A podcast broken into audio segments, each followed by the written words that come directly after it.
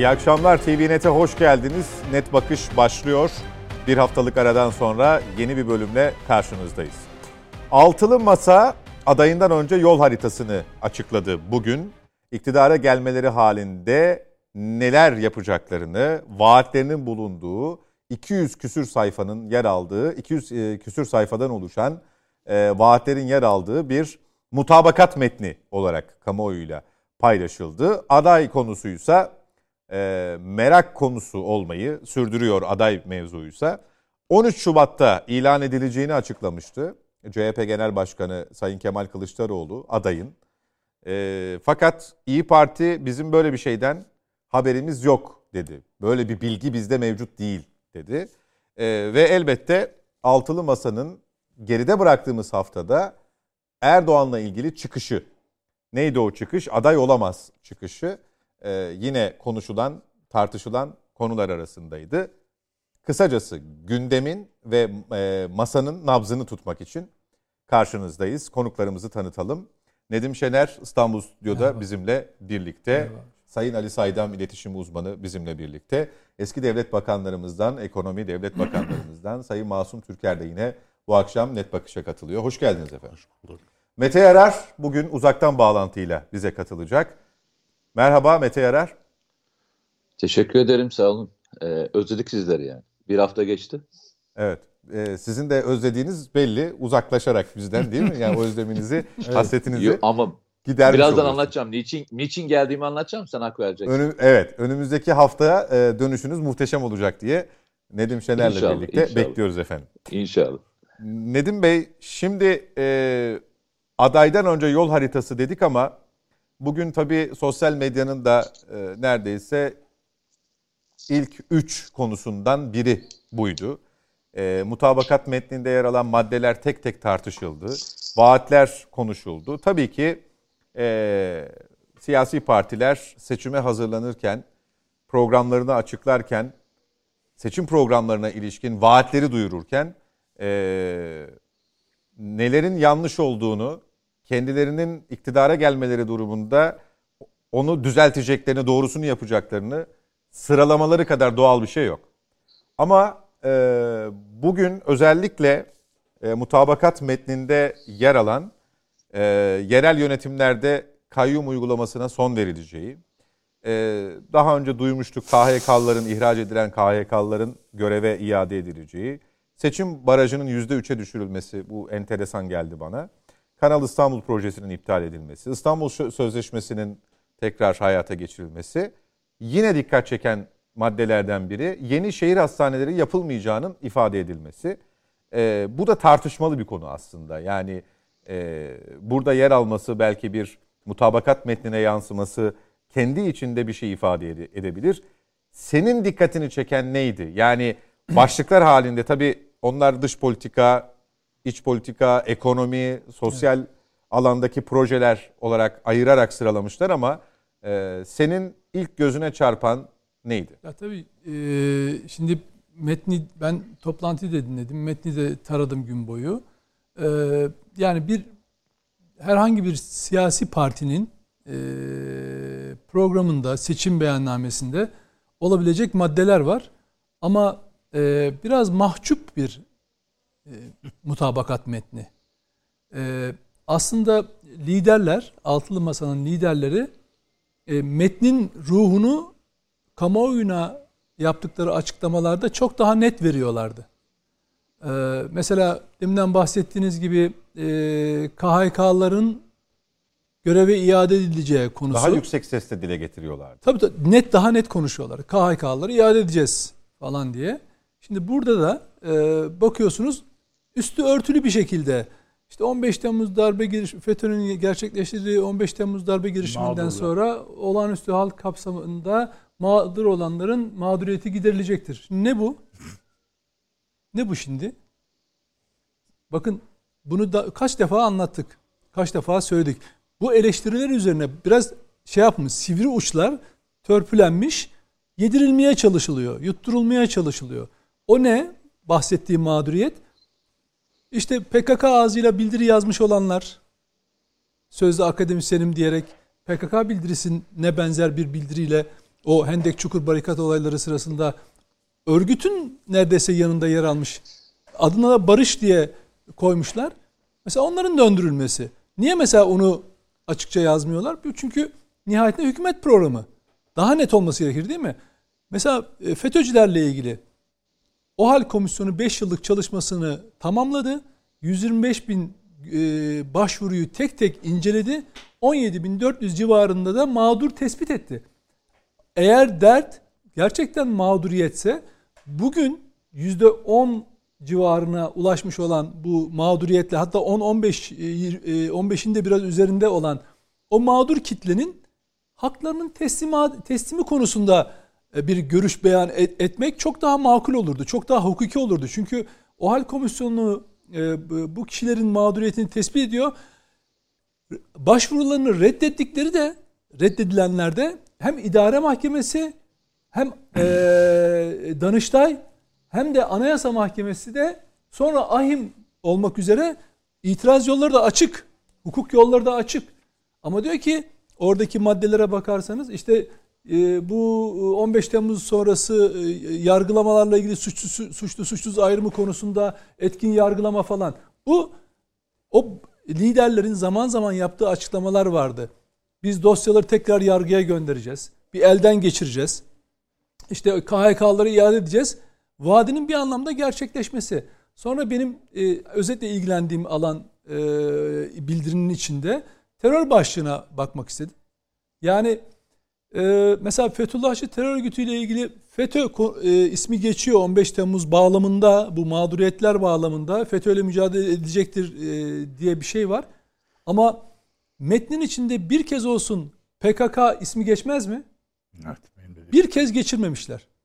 40 yıllık bir terör e, örgütü 15 e, binden fazla şehidimiz var sivil resmi 2 trilyon dolara yakın şeyi var maliyeti var ama o yok. Ama onun yerine ne var? PKK'nın siyasi sözcüsünün çok talep ettiği o kayyum atama konusunda diyor ki hayır böyle olmayacak. Artık kayyum uygulamasına son veriyoruz diyor. Sonra ne var? Parti kapatmayı zor, şey yapıyor. imkansız hale getiriyor. Mesela bugün e, HDP'nin kapatma davası var. Kapatma kararı verirse HDP'liler, PKK'lılar şu anda hazır. Yeşil Sol e, Gelecek Partisi diye bir partileri de hazır. Kongrelerini de yapıyorlar zaten. İlk kongrelerini de yapıyorlar. Seçime onunla girecekler. Şimdi HDP kapatılırsa o parti e, çatısı altında meclise girecekler. Eğer onların bahsettiği yasal düzenlemeler gerçekleşirse o partinin kapatılması imkansız. Hatta diyor ki da, e, kapatma davası ile ilgili nihai kararı meclis. meclis verecektir diyor. Bir dakika ya. Bu iş soruşturulacak. E, hazırlığı tamamlanacak. Dava aşamasına gelecek. Meclisteki e, milletvekilleri efendim parti kapatılması davası açılsın mı açılmasın mı diye. Bakın her şey tespitli. Açılsın mı açılmasın mı diye. O bölümü okuyayım mı? Tabii buyurun. İzleyicilerimiz de buyurun. belki hani çokça olduğu için e, Tabii. sayfa ve madde sayısı da Tabii. 15 Temmuz ikisi de arka arkaya çünkü. Evet. 15 Temmuz 2016 tarihinde FETÖ tarafından gerçekleştirilen darbe teşebbüsü sonrası ilan edilen olağanüstü hal kanun hükmünde kararnamelerinden kaynaklanan mağduriyetlere son vereceğiz. Tabii. Hemen akabinde FETÖ dahil olmak üzere tüm terör örgütleriyle kararlılıkla mücadele edeceğiz hukuk devletinin bütün unsurlarını dikkate alacak mağduriyetlere izin vermeyeceğiz. Evet. Şimdi bakın bu, bu anlattığım şey madde bu. Ee, parti kapatmayı bakın nasıl bir adalet gara... duygusunu zedeleyen FETÖ borsası ifadesi. Şimdi tamam onu zaten devlet böyle bir iddia varsa şu anda biliyorlarsa bunu savcılığa taşısınlar. Kim bir elindeki bilgi varsa şu anda FETÖ borsası yapıyorsa birileri bunu elbette taşısınlar. İşin komik tarafı şu. Diyelim ki me- meclis var. İşte e, 600 milletvekili. HDP kapatıldı veya HDP faal diyelim şu anda. Parti kapatma davası ile ilgili kararı kim alacak? Türkiye Büyük Millet Meclisi'ndeki milletvekilleri. Kim el kaldıracak? İçinde HDP'lerin de olduğu milletvekilleri. Yani sen şimdi adamlara diyebilir misin? Hadi partinizi kapatmak için dava açılıyor. Hadi el kaldırın diyebilir misiniz? Kendi kendine kapatma kararını el kaldırır mı? PKK'nın siyasi kolu HDP veya onun akabinde devam edecek olan partisi.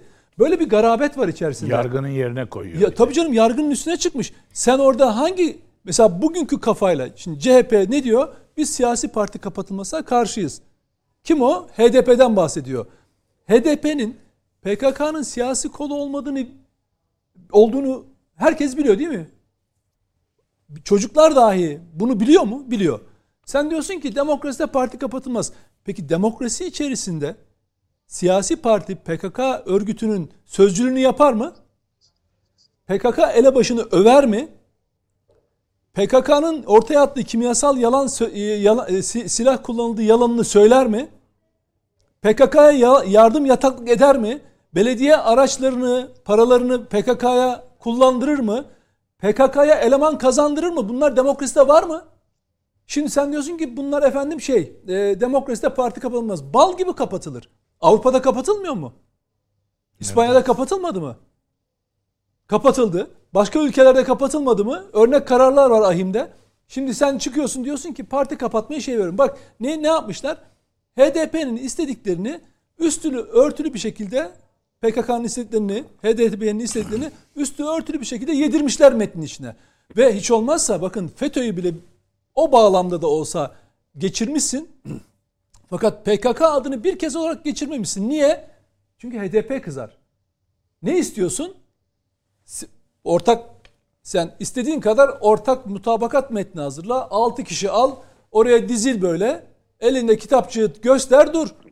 Ne yaparsan yap sağdan sola soldan sağa yüzde 40 yapıyorsun. En fazla en iyimser rakamla yüzde 40 yapıyorsun. PKK'nın siyasi kol olmadan hiçbir şeysin sen. Bak PKK'nın siyasi kol olmadan bu masanın ve bu metnin hiçbir hikaye, önemi yok. Onları nasıl kafalayacaksın?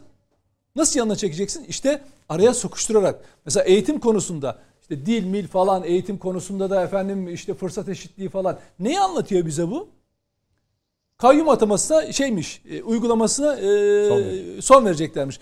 Yerel yönetimleri güçlendirmek adına bazı bakanlıkların, kurumlarının yetkilerini yerel yönetimlere de devredeceklermiş. Ya arkadaş sen çıldırdın mı? Belediyenin imkanlarını yerel yönetimde PKK'ya peşkeş çeken anneler, Diyarbakır anneleri ağlıyor ya. HDP diyor bizim çocuklarımızı daha gönderdi diyor. Sen o kurumu nasıl kontrol edeceksin bu şekilde? Efendim şey kayyum ataması olmayacakmış. Peki adam suç işlerse ne yapacaksın? Adam ısrarla işliyor. Hendek çukur barikat olaylarında gördük. Belediyenin kepçesini, e, cihaz aletlerini kullandı PKK şeyde. Şimdi dolayısıyla burada ciddi şekilde söylüyorum. Çok üstü örtülü bir şekilde hani tartışmalardan uzak durmak adına maddeler yumuşatılmış ama amaçtan asla sapılmamış. Ne o amaç? HDP ile işbirliği adına PKK'nın taleplerini de güzel güzel yedirmişler. Bunu da böyle birisi diyor ki bir gazeteci FETÖ ile beraber ne yapılan e, şey e, FETÖ, devleti yeniden inşa edecek. Ha, devleti yeniden inşa etmekmiş. Ya devleti, çökertilen. Çökertilen. Devleti yeniden inşa edeceğiz dediğin Deva Partisi'nin sözcüsü İbrahim Çanakçı çıktı ekonomiyle ilgili konuştu.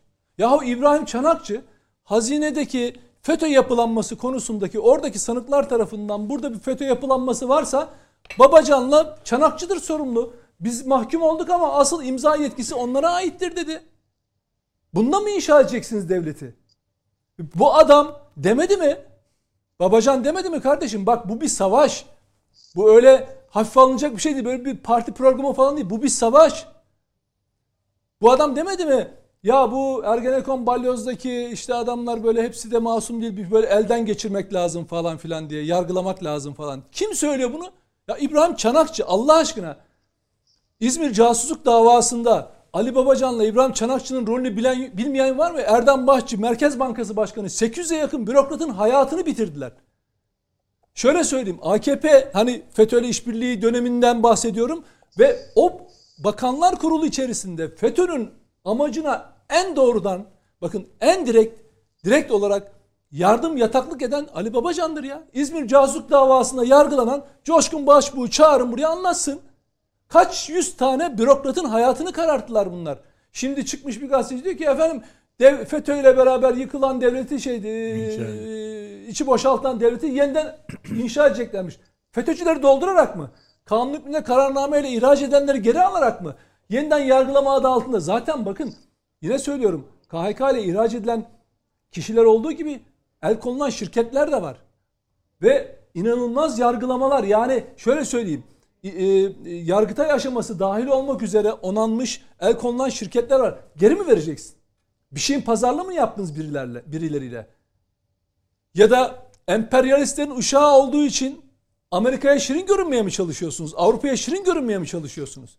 Terörle mücadele adı altında ya, akıllarına gelen kuvvet komutanlarını şeye bağlamak. Milli Savunma Bakanlığı, e, Genelkurmay Başkanlığı. Ya o hangi mantıkla 15 Temmuz sonrası o karar alındı?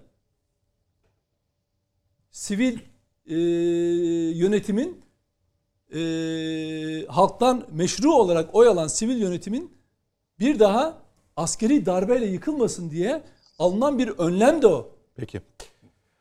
Ee, Masum Bey siz e, ekonomi, finans ve istihdam başlığı altında ortak politikalar metni bu arada metnin adı. Ee, onu da ifade etmiş olalım. Bu başlık altında sıralananları nasıl buldunuz? Enflasyonun iki yıl içinde düşük tek haneye kalıcı bir biçimde indirileceğine yönelik vaadi, Türk lirasına yeniden itibar kazandırılma ve istikrar kazandırılma vaadini, bir de tabii 2018 sonrasında yeniden gündeme gelen aşırı yoksulluğu sıfırlayacağız vaadi. Ama nasıl?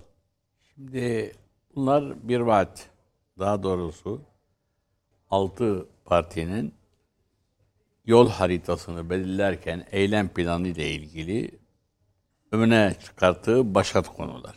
Bunlar da yaklaşık olarak ben metni tam okumadım ama e, gerek sunucunun gerek e, tanıtımını e, naklen yayınlayan televizyondaki konuşmalardan 2300 konu kapsıyormuş.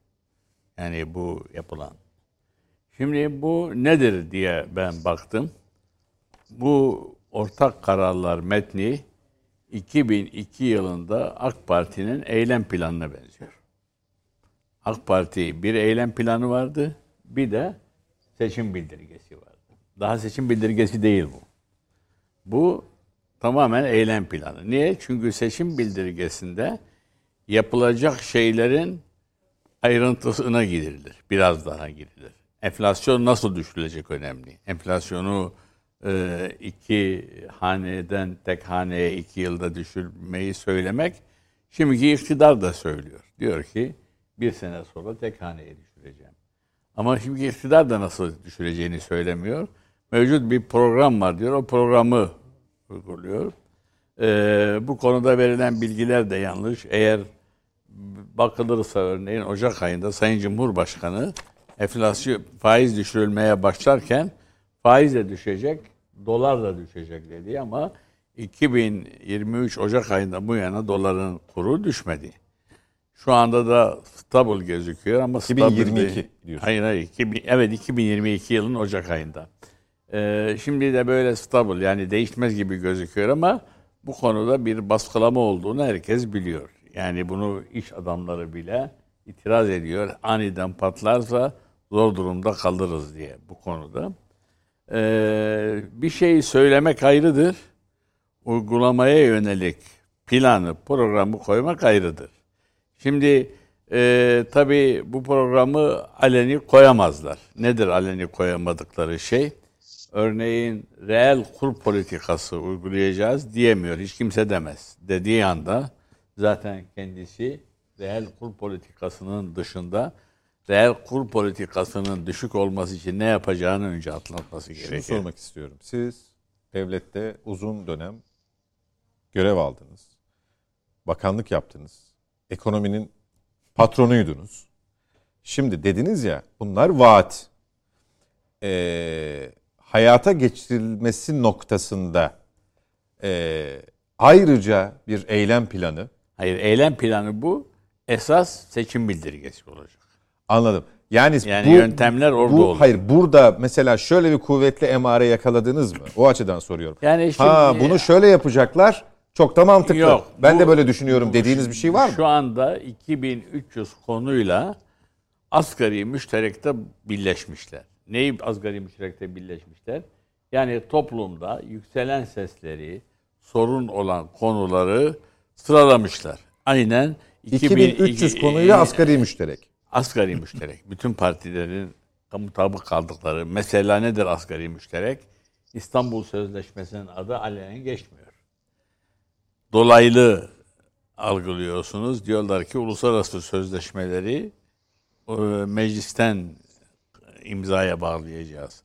Aleni açık Saadet seçi- Partisi alınmasın E, tabii yani asgari müşterekte bu do- do- normaldir.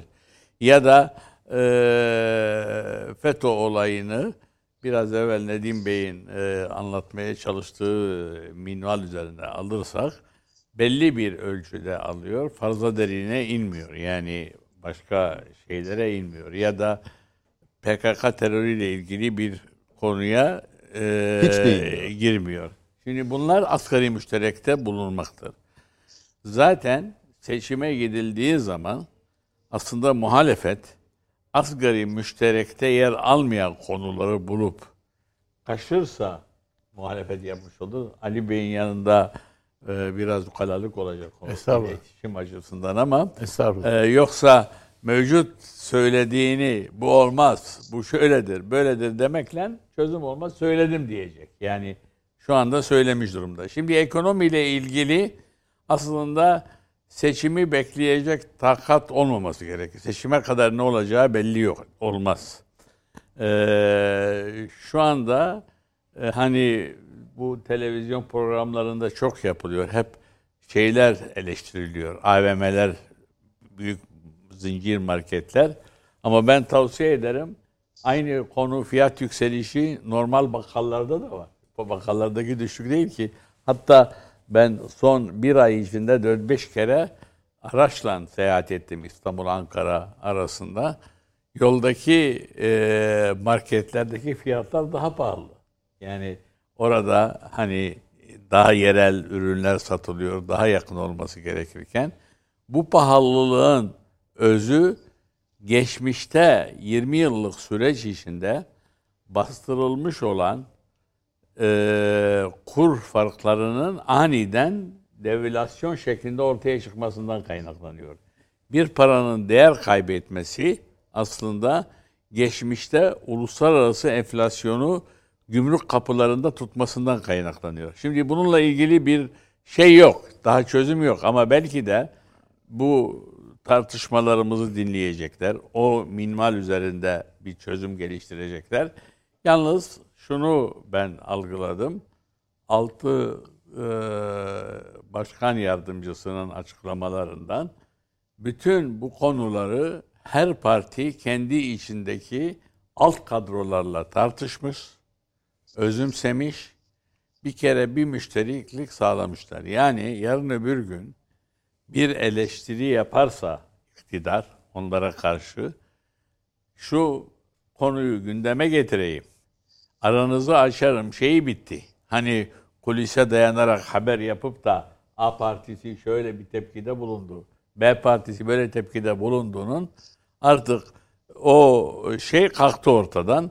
Çünkü asgari müşterekte anlaşmışlar. İşte ben de onu anlamaya çalışıyorum. Asgari müşterekte anlaşılan bir şeyde ne böyle Ama bir asgari kalktı müşterekte- kalktı demek için erken değil mi? E, tamam bakın. as- Asgari müşterek adı üstünde yani. A- işte asgari müşterek de as- açmışlar. Asgari müşterek 2300 konu.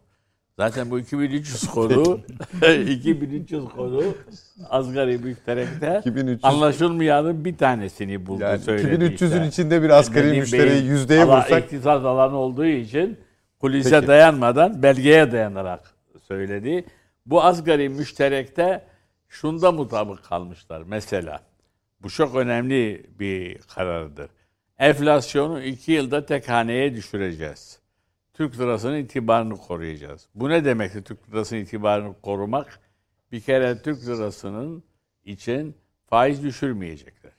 bilakis Tabii. Hayır, faizi Bilakis. düşüremezsin zaten eğer Türk lirasının itibarını korumak istiyorsan ki faizi yüksek tutarsan ya da aslında hiç değiştirmeden şu andaki hükümet bile bu spekülasyonlara e, izin vermezse, faizle hiç oynamazsa aslında kontrol altına alabilir. Ama sürekli yok hani toplandı, düşürecek, yapa, yükselecek. Bir kere şunu söyleyeyim ben, bana sorduğunuz tecrübeme dayanarak. Türkiye'de dolar kurunu bir yere geldikten sonra yani normal yabancı para kuru ve Türk lirasının da değeri belirlendikten sonra Türk lirasının değerini artırmak o ülkeye zarar verir. En çok kime zarar verir? Küçük ve orta ölçekli şeylere. Ben bakan olduğumda aslında normal kur 1300 lira olmalıydı.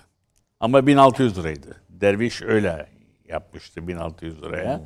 Ve başladılar bankalar oynamaya, özellikle yabancı bankalar. Her gün birbirleriyle 1 milyon dolar alışveriş yapıyorlar. Tedavüldeki hani e, dolar hacminin sanki tamamı yükselmiş, tamamı ezilmiş gibiydi. Ben telefon ettim bu bankalardan birisinin genel müdürüne. Dedim ki e, niye böyle şey işte dolara ihtiyacımız var onun için aldık. E söyleyin biz size Merkez Bankası'ndan mevcut kur üzerinden veririz size. Yani böyle paha, yükseltmemiz. Merkez Bankası Şimdi- kuru üzerinde. Tabii tabii yani hayır kur verecek. Yani sizin piyasada serbest kur oluşturmanıza gerek yok. İkinci telefonda bakın suçtur ama suçu işleyerek açıklarım sizin bu işle oynadığınızı. Hani tahta kale diyorlar ya. Bakın 20 yıldır tahta kaleden kimse bahsediyor mu? Etmiyor. Niye? Çünkü o tarihte tahta kaleye 100 bin dolar gönderiyorlardı. O 100 bin dolar hani resimle gazetecilerde haber oluyordu. Alıp verdi filan birileri bağırı çağırır sanki aniden millette bir galeyana getiriyorlardı. İndirmeyeceksiniz de artırmayacaksınız diye dinlemediler beni. Turmop'un Türkiye Mali Müşavirler Birliği eski genel başkan yardımcısıydım diye beni davet ettiler başkanlar toplantısında. Konuşmaya başlarken açıklama yapacağımı söyledim. Birazdan size dolarla kimlerin oynadığını suçtur açıklayacağım dedim konuşmamda. Ve bütün televizyon ama bir gün evvel de sızdırdım medyaya. Çok önemli açıklama yapacak diye benim basın danışmanım. Bir inanılmaz bir yoğunluk vardı. Yani oranın ev sahipleri oturacak yer bulamadılar. 15 dakika geçti. Koruma polisinin önüme bir şey koydu korumam. Bir not. Müsteşarlıktan aradılar. Dolar artık değişmeyecek. Ben ayrılana kadar dolar kuru değişmedi. Yani ben bunu niye söylüyorum? Şu anda bile dolar kurunu düşürmek Türkiye'nin aleyhinedir. Özellikle küçük ve orta ölçekte olan hani tasarruf sahiplerine zarara sokar. Bu e, konuda işte e, kur koruma mevduatı bu nedenle aniden durdu. Ve ne oldu? Hükümet tavan faizi serbest bırakmak zorunda kaldı. Şimdi ben bu deneyimi böyle bir günde yaşamadım. Tabandan gelen bir insanım. Yani e, hayatım iki işle uğraştım. Bir muhasebecilik yaptım, bir de gazetecilik yaptım. Muhasebecilik sürecinde bu dengelerin nasıl değiştiğini gördüğüm için sakın ha diyordum. Şimdi aynı şeyi şu anda bu e, getirilecek programda Türk lirasının değerini korumak istiyorlarsa bir kere düşürülmesini düşünmeyecekler hiçbir zaman. Ama yükselmesini de engellemeyecekler kurun yani de- değerin düşmesini. Ne yapacak? Şimdiki hükümete de aynı şey. Bugünden alabilir tedbirini. Peki. Bugünden alırsa tedbirini. Şimdi bu enflasyonu düşürmeye gelince enflasyonla şey olgularını toplumu şuna hazırlamak lazım. Aslında bugünkü iktidar da bunu yapabilir. Neye hazırlamak lazım? Artık fiyatlar bir noktaya geldi. Bundan sonraki artıştan bahsetmek lazım. Yani enflasyonu böyle global almak yerine bugünden itibaren ki artışın seyrini söylemek lazım ama bugün bile e, açıklanan yoksulluk e, ve geçinme e, Endeksi. endeksleriyle daha asgari ücret uygulanmadan şu kadar olduğu laf, söylemleri var ya bunlar hep olumsuz. Şimdi bu altılı masanın şu anda ekonomik programını açıklamış değil. Ama siz bile vaatlerini açıkladı. Hangi noktada çizgide olacaklarını açıkladı. Fakat bunları başka yerlerde açıkladı. Nerede açıkladı? İhracatı artıracağını, milli geliri ama rakam vermedi. Bugünkü milli İki gelirin iki katına çıkaracağım dedi. Rakam değil, kaynak da vermedi. e, hangi rakama göre hesap edeceğiz? 10 bin doları 20 bin dolara mı çıkaracaklar? Yoksa muhalefette iddia edildiği gibi 8 bin doları 16 bin dolara mı çıkaracaklar? Bu konuda bir açıklama Peki. yapmadılar. Devam Çünkü- edeceğiz yine. Çünkü bu konudaki teknikteki çalışmayı daha sürdürecekler. Bunu da özellikle hem Faik Bey'in hem de İyi Parti temsilcisinin konuşmalarından ben onu e, o- Peki. e, Devam edeceğiz ettim. Masum Bey. Bir Mete Yarar'a gidelim. Ee, mutabakat metninde Mete Yarar için hazırladığım kısım. Evet. Ege Denizi barış, işbirliği ve iyi komşuluk alanı olarak görülmelidir. Bu amacı gerçekleştirmek için çalışacak. Ege Denizi'ndeki egemenlik alanlarımıza zarar verebilecek hiçbir gelişmeye müsaade etmeyeceğiz. Hemen al- altındaki madde Amerika ile ilişkileri eşitler arası bir anlayışla kurumsal temele oturtacak, müttefik ilişkisini karşılıklı güvene dayanacak şekilde ilerleteceğiz. Türkiye'nin yeniden F-35 projesine dönmesi için girişimde bulunacağız. Ne demek istiyorlar Mete Yarar? Valla e, demin e, çok güzel söyledi. E, bu ne neydi bu yap açıkladıkları neydi Masum Bey ne diyordu buna? Ortak politikalar Bu metni. şey- Eylem planı. Yani şey değil. Ha, e, Masum Eylem Bey eylem planı diyor. Asgari müşterek. 2300 tane 2300 tane askeri müşterekte buluştukları nokta değil mi bunlar mesela? Öyle değil mi? Onlardan ben 3-5 tanesi. şimdi. Peki ben o zaman şöyle söyleyeyim. Ege'de biz ne istedik de Biraz yükseltelim Mete'nin sesini arkadaşlar.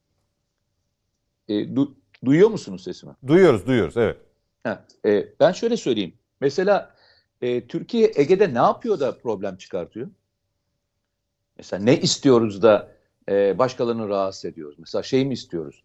Ege'de diyoruz e, siz 6 mile düşürün, şey 3 mile düşürün biz 18 mil yapalım falan mı diyoruz? Veya işte e, olmayan bir hak mı talep ediyoruz? Mesela adamların silahlandırma hakkı vardı da biz kardeşim boşaltın buraları çekin gidin falan mı diyoruz?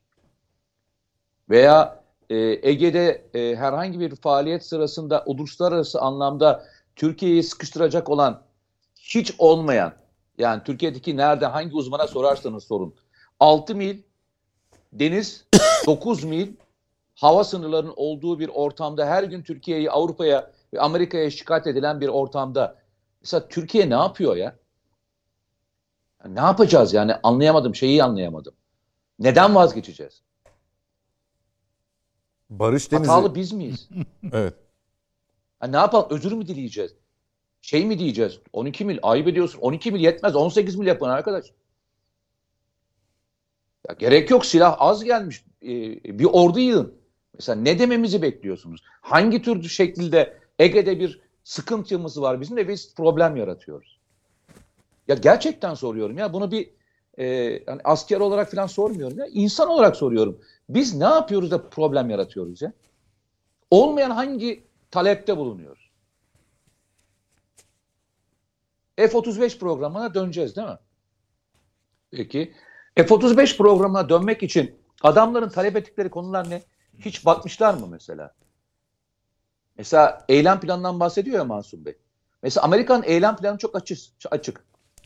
Türkiye'ye hangi şartlarda veririm diyor sana F-35'leri?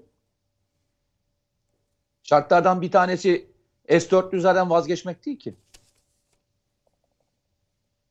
Ben size en az 3 tane 4 tane çok ana malzeme sayarım. Ve bu ana malzeme Türkiye'yi yerlerine oynatır. Adamlar söylüyorlar çünkü yani. Ne diyor? Kardeşim Ege'de uçmayacaksın sana verdim uçakla diyor.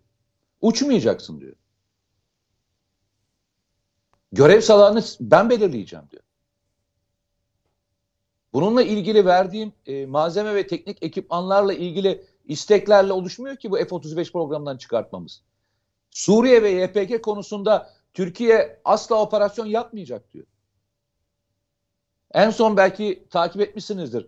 Amerikalıların 2023'te e, 2023 yılındaki e, senatoda hazırladıkları raporda Türkiye ile ilgili ne söylüyor? Türkiye kendi milli çıkarlarını oluşturmaya başladı ve milli çıkarları Amerikan çıkarları örtüşüyor, örtüşmüyor diyor. Problem çıkıyor diyor. Ya Amerikalılar bile bize böyle bakmıyorlar.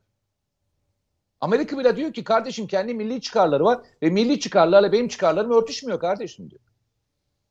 O zaman ne yapacağız? Bana birisi söylesin. Yani e, ben milli çıkarlarımdan mı vazgeçeceğim?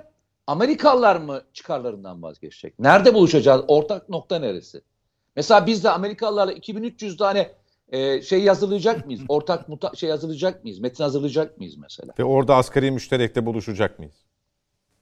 Nedir mesela askeri müşterek nedir? Mesela az PKK ile mücadele edeceğiz? Çok mu PKK ile? Yani bunun azı çoğu var mı yani? Mesela terörizmle mücadele etmenin azı çoğu olur mu yani? Veya bölgede az e, PKK devletine müsaade edeceğiz, çokuna mı etmeyeceğiz? Neyi edeceğiz? Neyin azı çoğu ya? Veya Ege'de 6 milin üzerindeki her bir mil arttırmanın Ege'de Türkiye'yi dışarı çıkartmayacak bir noktaya getirdiğinin farkında değiller mi arkadaşlar? Ya inanın ben bu genel metine baktığımda şimdi muhalefet neyi eleştiriyordu hatırlarsanız? Mesela bu olaylardan önce, FETÖ olaylarından önce ne diyorlardı? Ee, zaman zaman televizyon programlarında da e, aynı şeyi çatışıyoruz. Mesela ne diyorlardı? Ee, FETÖ'yü e, palazlandırdı ve FETÖ'nün güçlenmesine fırsat verdi. Bunu söylüyorlar değil mi? Yani bizim tartışma programına çıktığımız arkadaşların birçoğu bu fe- felsefede. Peki ben şöyle söyleyeyim. Mesela siz maddede şunu gördünüz mü? FETÖ'yle AK Parti'nin yapmadığından 10 kat daha büyük mücadele edeceğiz diye bir ibare gördünüz mü mesela orada? Mesela diyorlardı ya çözüm sürecinde PKK ile mücadele konusunda zafiyetler oluşturdular. E, o zaman şey yazıyor musunuz mesela PKK'ya bugüne kadar görmediğiniz kadar başka bir şekilde mücadele edeceğiz. Yazıyor mu herhangi bir yerde? Geçiyor mu herhangi bir yerde? Ya farkındaysanız eleştirilen hiçbir konuda eleştirdikleri hiçbir konuda daha iyisini yapacağız diye bir şeyleri yok farkında mısınız? Biz zaman zaman şeyle konuşuyoruz. Savunma Ee, sanayini Nedim'le güçlendireceğiz e, ifadesine ifadesi dikkatini çekti. mi? Geleceğim. Oraya geleceğim, geleceğim. Oraya geleceğim. Mesela şimdi e, Nedim'le bazen konuşuyoruz. Mesela Türkiye'de e, işte e, Milli İstihbarat Teşkilatı'nın ve diğer birimlerin hazırladıkları bir e, ardışık aramayla ilgili bir e, dava var. Ve bu davanın içerisinde hala askerlerden, polislerden, bürokratlardan, e, ad- e, adli makamlardan e, kişilerin isimleri var. Mesela o maddenin içine şöyle bir şey gördünüz mü? Mesela orada isimleri geçenle mücadele edilmediğini, hala yargının içinde binlerce bu, bu, şekilde vasıfta insan olduğunu, biz geldiğimizde bakın bir tane PKK'lı veya FETÖ'cüyü bırakmayacağız. Bu e, süreçlerde hiçbir şeyi aksatmayacağız diye bir ifade gördünüz mü? Mesela FETÖ borsası diyorsanız bir şeyin safsakladığını düşünüyorsunuz demek demir değil mi? Öyle değil midir? Peki siz daha iyisini yapacağınızı mı söylüyorsunuz? Mesela eleştirilerinizin içinde bu tür herhangi bir dipnot geçirmemiş misiniz? Hiçbiriniz aklınıza gelmedi mi? FETÖ borsasını oraya koymak sizin için doğru da peki temizlenmeyenlerle ilgili eleştiri yapmak sizin aklınıza gelmedi mi? Arkadaşlar FETÖ temizlenmiyor. Ben daha iyisini yapacağım. PKK ile mücadele edilmiyor. Ben daha iyisini yapacağım. Sizin aklınıza gelmiyor mu bunları oraya yazmak? Ya işin işin ilginç tarafı şimdi memleketin askeri müşterekleri nedir? Bu ülkenin bir askeri müşterekleri var. Bu askeri müşterekler dediğimizde 2300 maddeye gitmeme gerek yok. Ben size 5-6 tane temel askeri müşterek sayayım. Bakın 5-6 tane askeri müşterek sayayım. Bunlardan bir tanesi PKK'dır.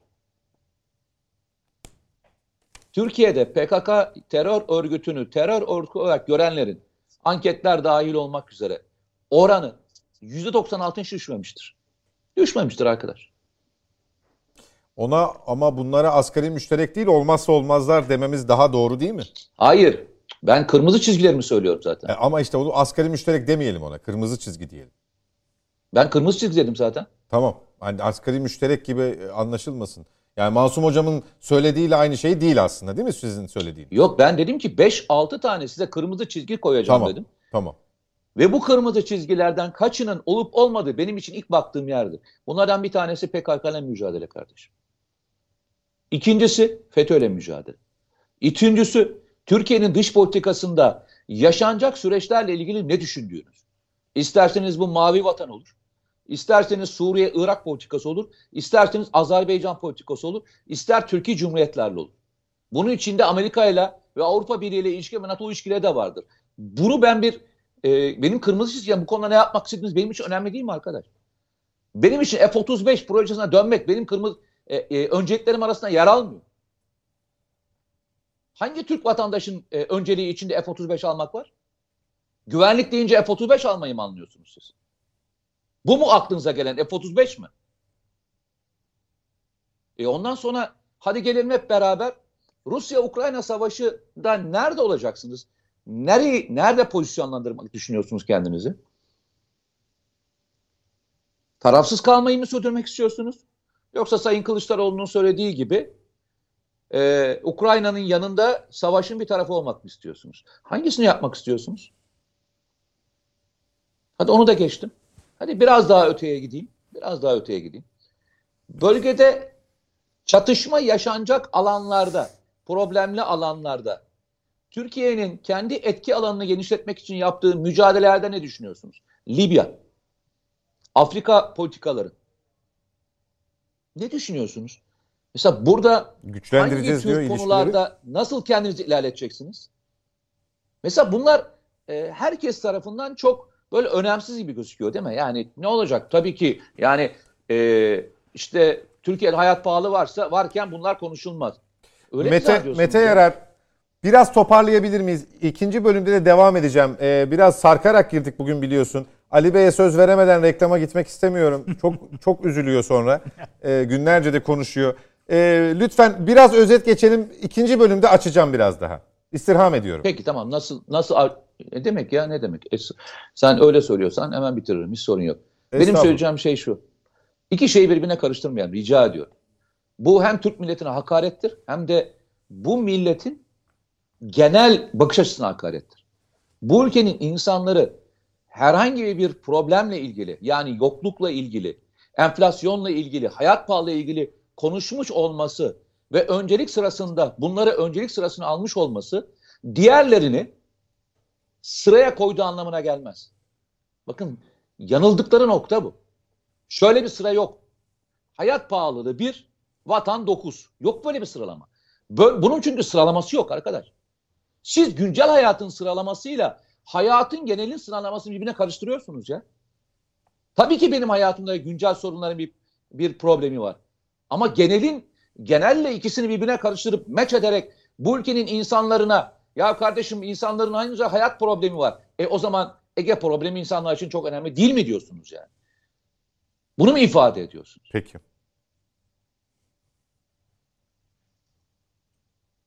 Teşekkür Bitirdim mi? E, Mete Bey'e. Ali Bey bir fotoğraf çeker misiniz bize? 2300 maddeyi alır mı tek açıdan bilmiyorum ama. arz etmeye çalışayım. Mete kardeşimden de özür diliyorum. Yani benim böyle bir talebim yok. Abartmayın lütfen. Mete'yi büyük bir heyecanla ve e, keyifle dinliyorduk. Yayın öncesinde de öyleydi evet. Evet. O, Anlayabiliyorum heyecanınızı. evet. Bilhassa sordum nerede Mete diye. Şimdi e, benim dikkati, dikkatimi çeken birkaç olay var. Bir kere Sayın Bakan'ın ifade ettiği noktayı bir cümleyle açıklık getireyim. Bu e, 2300 madde ne yapmalı üzerine kurulu. Ve nasıl yapılacağı, ne, nasılı kesinlikle yok. Hiçbirinde yok.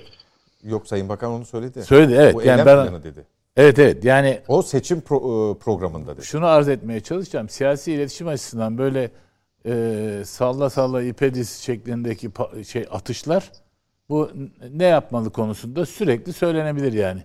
Üretimi arttıracağız. Seçime Efendim, giderken bu vaattir yani herkes yapabilir. bu, bu vaat değildir. Bu ne yapmalı vaat değildir. Nasıl yapmalı vaattir. Nasıl yapılacağını söylemezseniz ne yapmalı geçmez karşı tarafa.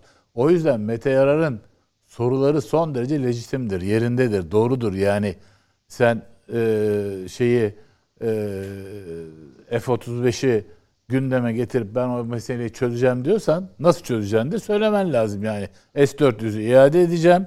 Bu arada Güney sınırındaki bütün aksiyonları durdurup silahlı kuvvetleri geri çekeceğim. Libya'dan vazgeçeceğim. Ege'de de dolanmayacağım. Diyorsan bu nasıl? Ama ne yapmalı da istediğin gibi söyle salla yani. Bu da bakın şeye bakın bir de ikincisi burada dikkatimi çeken husus. Pek çok madde var anayasa değişikliği gerektiriyor.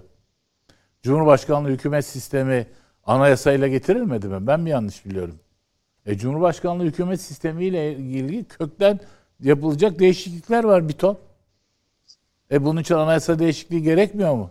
Yani e, hukuk fakültesi 101 okuyan bir öğrenci bilir bunu yani. Eğer bir mesele anayasayla e, mukim kılınmışsa onu ancak anayasayı değiştirerek yapabilirsiniz yani. Yoksa başka türlü nasıl yapacaksınız? Bir sürü madde en baştaki mesela bu adalet madalet konusunda ifade of- ofisleri kapatacağım, şunu yapacağım, e, e, Cumhurbaşkanı e, şeylerini, yetkilerini şöyle sınırlandıracağım, böyle sınırlandıracağım. Bu e, lafı güzaf olarak kalır, inandırıcılığı olmaz. Çünkü anayasa değişikliğini nasıl yapacaksın yani? Üçte iki zaten tutturamıyorsun. çoğunlukla yapacaksın? Hangi çoğunlukla, çoğunlukla yapacaksın? Zaten o yok yani. O yüzden bu büyüklere masallar diyorum ben bunu. Böyle çocuk çocukları kandırırlar belki de büyükleri de masallar haline getirmişler. Görülen o. İşte şeyi e, karşı çıktıkları e, hastaneler değil mi? Şehir hastaneleri. şehir hastanelerini. Ben şey de bekliyordum. Millet Parkı'nı da gündeme getirirler herhalde diye düşündüm. Millet bahçeleri. Millet bahçelerini affedersin. Onu söylememişler. En büyük eksiklik olarak gördüğüm yeri arz etmeye çalışayım. Milli bağımsızlık meselesi. Benim ben dinledim bütün gün.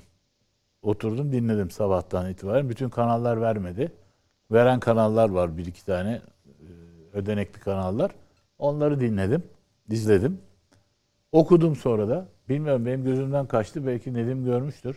Milli bağımsızlıkla ilgili bir dış politika yaklaşımı milli bağımsızlıkla ilgili. Mesela bugün e, Albayrak Medya'nın düzenlediği bir e, enerji zirvesi vardı. Orada e, Sayın Bakan çıktı ve enerji bağımsızlığı ve milli bağımsızlık ekseninde çok önemli şeyler söyledi.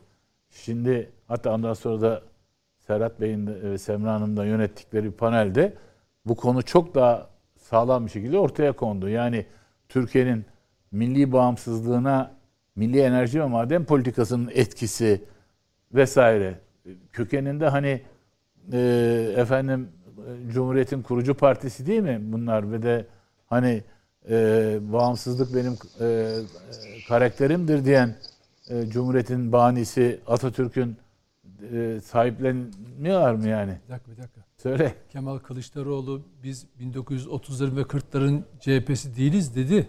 Hem de 2014'te kusura bakmayın. Evet. O iş geçti. evet. Yani, Yani o, yüzden o bağımsızlıkçı CHP'yi bugünkü CHP yönetimi temsil etmiyor. bunu arz etmeye Bizzat çalışıyorum ben de Ağzından zaten. yani. Bunu arz etmeye çalışıyorum. Bunu beni Ya şaşırtan daha geçen gün Mehmet Bekeroğlu isimli kadın kontenjanından CHP'li olmuş bir şahıs e, 73 yıl önceki işte efendim e, tek parti faşizmine karşı e, şu sloganı kullanmışlar. Biz de bu sloganla diyerek e, İnönü ve Atatürk döneminin tek parti faşizmi diye tanımladı. Ve Eyvallah. hala o partinin şeyinde ve düşünün kitle kütle ya da kütle böyle bakıyor. Bu adam oraya gelirken de Atatürk'e kefere demişti. CHP bu halde. evet. Tamamlayın Yani Ali Bey. istirham ediyorum. arz ediyorum efendim. Son bir dakika falan mı var? Evet. Ne kadar? Bir dakika. Evet. Derhal kullanıyorum. Yeter diye düşünüyorum. Evet. Tabii, tabii. Efendim, netice itibariyle bu iki hususun altını çizmiş olayım. Milli bağımsızlıkla ilgili Türkiye'nin önümüzdeki, yani Türkiye'nin en kritik meselesi bence hem işin içine PKK terörüyle mücadeleyi alan, çünkü orada e, emperyalizme karşı mücadele etmeden PKK ile savaşamazsınız. Yani bizim güneyimizde verdiğimiz mücadele PKK'ya karşı verilen bir mücadele değildir sadece. E, FETÖ'ye karşı Yok, ben- verdiğimiz mücadele sadece FETÖ'ye Ben karşı gözümden kaçırmış olabilirim. Türkiye'nin terörle mücadelesi ülke içinde olduğu gibi sınır ötesinde devam ediyor değil mi? Evet, Mete tabii, belki tabii, Mete tabii. Mete de Mete'nin gözden kaçmamış olabilir. Evet. Mesela Suriye'ye yönelik bu Tek operasyonlar yok. hakkında Tek laf Ha, yok. bilmiyorum. Yani Yo, de- o tamamlayacak. Onun Hayır, daha bunu savunma sanayi ile ilgili kısmı da var. Türkiye'nin savunma, enerji, efendim e, milli eğitim, kültür ne aklınıza geliyorsa bunun milli bağımsızlık e, meselesi Temelinde. temelinde ele alınmasının söz konusu olduğu e, bütün bugün en son yapılan e, araştırmalarda gençliğin yüzde 40 küsurunun e, e, muhafazakar ve milliyetçi olduğu tespit edildiği bir ortamda Türk toplumunun büyük bir kesiminin milli bağımsızlık meselesinde hassasiyetin olduğu bir noktada tek satırın olmaması bir tuhaf değil mi ya? Tek satır yok ya. Milli Türkiye'nin milli bağımsızlık mücadelesi yok mu? Böyle bir şey yok mu yani? Türkiye böyle bir mücadelenin içinde değil mi? Enerjiye ya bugün söyledi bakan şeyde e, e, bizim Zirvede. medya grubunun zirvesinde de, şeyden bahsetti hatırlıyor musunuz? Kapatılan kuyulardan yok burada şey diye birkaç Ben tanesinde sormuştum. Evet, zaten ne sordunuz biliyorum. Birkaç kuyuda çıkmış. Yani bu niyet okumak falan istemiyoruz ama buradan da çıktı diyor bakan. Yani böyle bir milli bağımsızlık meselesinin e, nefes aldığımız her alanda geçerli olduğu bir ortamda altı parti bir araya geliyor. Türkiye'nin kaderini tayin etmeye soyunuyor ve milli bağımsızlıktan tek laf etmiyor. Hep pest yani. Peki. Ara vakti efendim. Ee, araya gidiyoruz. Dönüşte net bakışa devam edeceğiz. Bizden ayrılmayın. Yeniden birlikteyiz Net Bakış'a. Masum Türker, Ali Saydam, Nedim Şener ve Mete Yarar'la devam ediyoruz. Araya gitmeden önce Altılı Masa'nın ki aslında konularımız arasında da yer alıyor. Çok da Altılı Masa olarak adlandırılmalarını, anılmalarını istemiyorlar. İttifak e, ifadesinin kullanılmasından yanalar. Bunu da konuşacağız. E, Mete Yarar araya gitmeden önce e, Ali Saydam'dan da evvel aslında onun e, söyleyeceklerini biraz kesmiş gibi olmuştuk. Özellikle Yok, Mete sorun. Yarar savunma sanayi ve Ali Bey'in de saptamasını yaparken e, işaret ettiği Suriye politikası konusunda benim rastladığım daha önce e, söylem düzeyinde çokça seslendirilen ülkemizdeki Suriyelilerin geri gönderilmesinin dışında Suriye'nin geneline ilişkin, Suriye krizinin geneline ilişkin, aktörlerle mutabakata ilişkin bir e, mutabakat maddesine rastlamadım. E, sen hem kaldığın yerden devam edersen hem o çerçeveyi tamamlarsan bizim için Peki. iyi olur. Şimdi e, bazı özel e, işlerde bazı özel e, psikiyatrik testlere girersiniz. Ve bu o kadar e, kısa sürede sorulan sorulardır ki mesela yaklaşık işte bir saatlik bir süre içinde 500 tane falan soruya cevap verirsiniz. Ve soruların içerisinde birbirini yanlış cevap verdiğini hatırlayamazsınız. Yani belki bir öncesinde A dediniz şıklardan bir tanesini. Daha sonra önünüze e, başka bir şıkta birbirinizi yok edebilirsiniz. Bu çok hızlı Bütün ve malzeme- düşünmeden cevaplandığı için mi? Cevaplandığı için. Zaten e, öbürünü düşünseniz kendinizi başka bir şekilde gösterebilirsiniz. Ama çok kısa sürede çok uzun sorular yaptığınızda e, sizin tutarlılığınızı anlarlar. Bunu nereye geleceğim?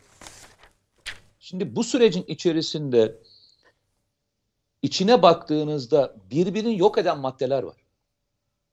Yani Hmm. işte demin size söylediğim eğer siz Türkiye'nin e, dış politikasında bağımsızlığı savunuyorsanız o zaman Ege'de Ege'nin barış denizi olması konusunda şu lafı söyleme şansınız yok. Arkadaş ben milli çıkarlarımın gerektiğini yaparım. Ha bu barış olur, bu başka bir şey olur. Ama önce siz gerektiğini yaparsınız. Bundan taviz vermezsiniz. Yani bu şöyle bir şey mi? Masum Bey e, bakanlığını yaptı, Bülent Ecevit, rahmetli Erbakan şunu mu söyledi?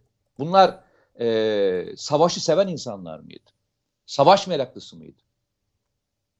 Ama 1974'te Kıbrıs Harekatı'nın e, icrası sırasında şunu mu söylediler? Onların yaptıkları barışı mı bozdu? Gereğini yaptılar. Gereğini yaptılar. Siz Suriye operasyonlara baktığınızda, PKK ile ilgili operasyona baktığınızda, Azerbaycan Savaşı'nda, Karabağ Savaşı'nda, Azerbaycan'ın yanında yaptığınızda bunun bir bedeli olacağını biz bilmiyor muyduk? Bunun bir bedel olacağını biz biliyorduk. Ve gereğini yaptık. Gereğini yapmanın sonuçta bir bedeli olur. Ama uzun vadede milli çıkar böyle oluşturulur kardeş. Şöyle bir şey değil ki derim bu. Yani başkaları siz çok milli çıkarlarınıza çok müthiş bağlısınız. Biz de size saygı duyuyoruz. Önünüzü açıyoruz diye kırmızı halı falan mı sererler? Kimse kimse önüne kırmızı halı falan sermez. İşini zorlaştıracak ne kadar hamle varsa yapar. Şimdi buraya bakıyorsunuz. F-35 Türkiye'nin birinci maddesi mi arkadaş? Türkiye'nin savunma sanayindeki mevzular birinci madde. Kendi kendini imha ediyor dediklerinden bir tanesi o. Bu masanın önemli aktörlerinden bir tanesi şey değil mi? Babacan değil mi? Sayın Babacan değil mi? Sayın Babacan ne diyordu? Söyledikleri kelimelerin içerisinde daha sonra revize etse de söylediğini beyan etmedim. CHP'nin içinde veya diğer kaynaklarda bu tür konularda söylenenleri biz bilmiyor muyuz? Aynen şöyle söyleyeyim. Savunma sanayine çok kaynak aktarılıyor. Biz bu kaynakları başka yerlere aktarmaya başlayacağız. Arkadaşlar yanılıyorsunuz. Savunma sanayine kaynak aktarılmıyor. Kaynak aktarılmıyor. Savunma sanayi geçmişte başkalarına aktarılan kaynak savunma sanayine harcanıyor. Başkasına aktarılan daha fazla bir kaynak falan yok. Dışarıdan alınmıyor yalnızca. İçerideki kaynaklarla üretilmeye çalışılıyor. Ve daha da ucuza yapılıyor. Eskiden bir tane aldığın ürün şimdi üç tane alıyorsun. Üç tane alıyorsun. Bir tanesini fiyatına. Bir de senin malın. Şimdi bunu söyleyen insanlara siz ne diyeceksiniz? Ben hep baştan beri diyorum. Yani benim anlamakta zorlandığım, gerçekten problemli olduğum şeyler bunlar. Ya arkadaşlar temelde mi sıkıntımız var? Bugün ben e, aranızda olmamız olmamın en önemli sebeplerinden bir tanesi o. Yani bugün e, yurt dışından gelen 120 tane e, uluslararası ilişkiler öğrencisine, bayan öğrenci e, bir konuşma yapmak için buradaydım. Sabahleyin o konuşmam vardı. Ondan sonra da e, dönmeye zaten fırsat olmadı. Bugün gördüğüm tabloyu söyleyeyim mi size? Türkiye milli çıkarlarını bu tür politikalarla oluşturacak arkadaşlar. Onları anlatırken de söyledim. Şimdi düşünsenize ya. Siz mesela sizin hayatınızda e, oradaki bütün e, katılımcılara söylüyorum. Bizi dinleyenlere de soruyorum. Mesela siz şöyle davranıyor musunuz? Mesela sizin hayatınızdaki kırmızı çizgiler gevşeyebiliyor mu? Mesela gevşe gevşemeye ne kadar müsaade ediyorsunuz? Mesela namus kavramında ne kadar gevşeyebiliyorsunuz? Mesela vatan vatanın vatanın e, kutsalları ne kadar yumuşayabilirsiniz bu konularda? Mesela bir karış toprak mı verirsiniz? Bin, bin metrekare mi verirsiniz? Bir milyon metrekare mi verirsiniz? Ne kadar yumuşayabilirsiniz? Ortak çıkarınızda ne kadar e, bazı şeylerden vazgeçebilirsiniz? Mesela geleceğinizle ilgili kararlar verilirken sizin önünüzdeki bir bölgeye arkadaş sen oradan petrol ve doğalgaz çıkartamazsın. Orası tartışmalı alandır. Ben sana izin vermiyorum dediğinde bunu kabul edecek misiniz? Yoksa orada onu çıkartmak için güç kullanmayı ve bunun karşılığında yaşayacak olan e, mevzuyu da sırtlayacak mısınız? Hadi sorayım ben size. Ne kadar yumuşayacaksınız? Yani gelinen noktaya bakıyorum gerçekten anlamakta zorlanıyorum. Mesela e, sizin atanıza yani babanıza, dedenize, annenize veya büyüklerinize iftira atılsa ne dersiniz? Mesela şöyle mi dersiniz? E tabii ya tabii yani dedemi tartışmaya açılabilir. Dedem zamanda iyi adam olmamış olabilir falan diye böyle mi açıyorsunuz? Mesela e, sizin hayatınızdaki konuşma ve e, yumuşatma çabalarınız böyle mi? Ama bir bakıyorsunuz arkadaş soykırımla suçlayanlar ortalıkta geziniyor. Türk askerine katliamcı diyenler ortalıkta geziniyor. Türk askeri kimyasal silah kullandı diyenler ortalıkta geziniyor. Yani atanız atanıza laf söyletmediniz. Eyvallah. Türk toplumunun genel atasına, genel yaşayanlarına laf söyletmek serbest mi arkadaşlar? Onlar sizin atanız değil mi? Ya ben anlamakta zorlanıyorum. Yani şun, şunda değilim ben ya. Ben kimsenin seçim bildirgesinin içindeki kısımlarının 2300 maddeye bakmıyorum. Ben milletin de baktığını düşünmüyorum. Kimse okumayacak. Ana maddelere bakıyorlar. İnsanlar eleştirdiğinizin farklısını söylersiniz kardeşim. AK Parti iktidarını eleştirdiğiniz konuların aksini yapacağınızla ilgili bir tane madde koydunuz mu ya? Bir tane madde. Bakın bir kez daha söylüyorum. AK Parti'yi eleştirdiğiniz konularda aksini daha fazlasını yapacağım diye bir maddeniz var mı? Ege'deki siz çıkarlarımızı koruyamıyorsunuz. Öyle diyorlar ya. Yüzlerce kayalıklar verildi, o verildi, bu verildi. İddianız doğru mu? Doğru kabul edelim. Sizin ne demeniz gerekiyor orada? Gereğini yapacağız kardeşim. Biz o adaların her birini alacağız geri. İddia ediyorsunuz. PKK ile işbirliği yaptınız. Kardeşim Türkiye'de PKK diye bir konu kalmayacak. Diyebiliyor musunuz? Savunma sanayi. Siz az yapıyorsunuz arkadaşlar. Yani sizin sizin şu anda savunma sanayinin önünü açmakla ilgili yaptığınız adımların tamamı e, şeydir. Az kalmış. Öyle mi diyorsunuz ama? Ne diyorsunuz? Bazıları arkalarına devlet rüzgarlarını alarak diğerlerine göre daha avantajlı pozisyona geliyor. E, onların gereğini yapacağız. Sizin e, rüzgar dediğiniz nedir? Bakın geçen e, bu haftaydı Hürriyet'te e, şeyi yazdım. E, Kale grubunun yaptıklarını yazdım. Bu jet motorları ve diğerleriyle ilgili. Atmaca ve diğerleriyle. Orada Winston Churchill'ın çok güzel bir lafı var. İlginç bir laf. Diyor ki Winston Churchill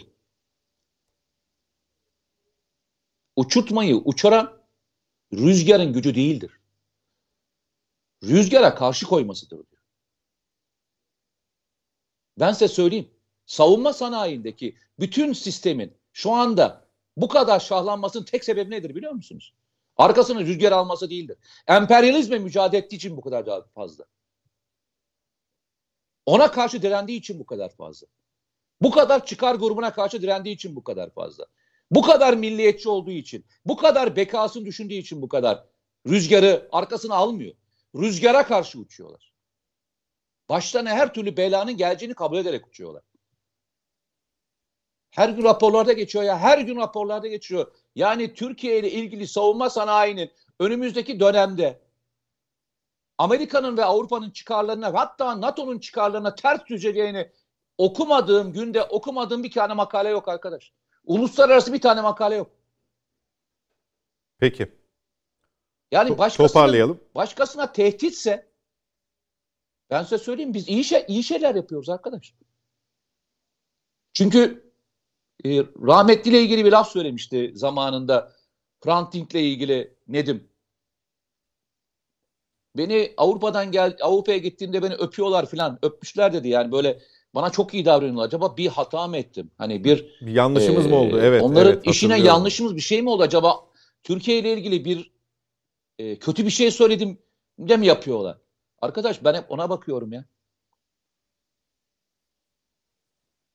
Yani bu kadar mı örtüşür?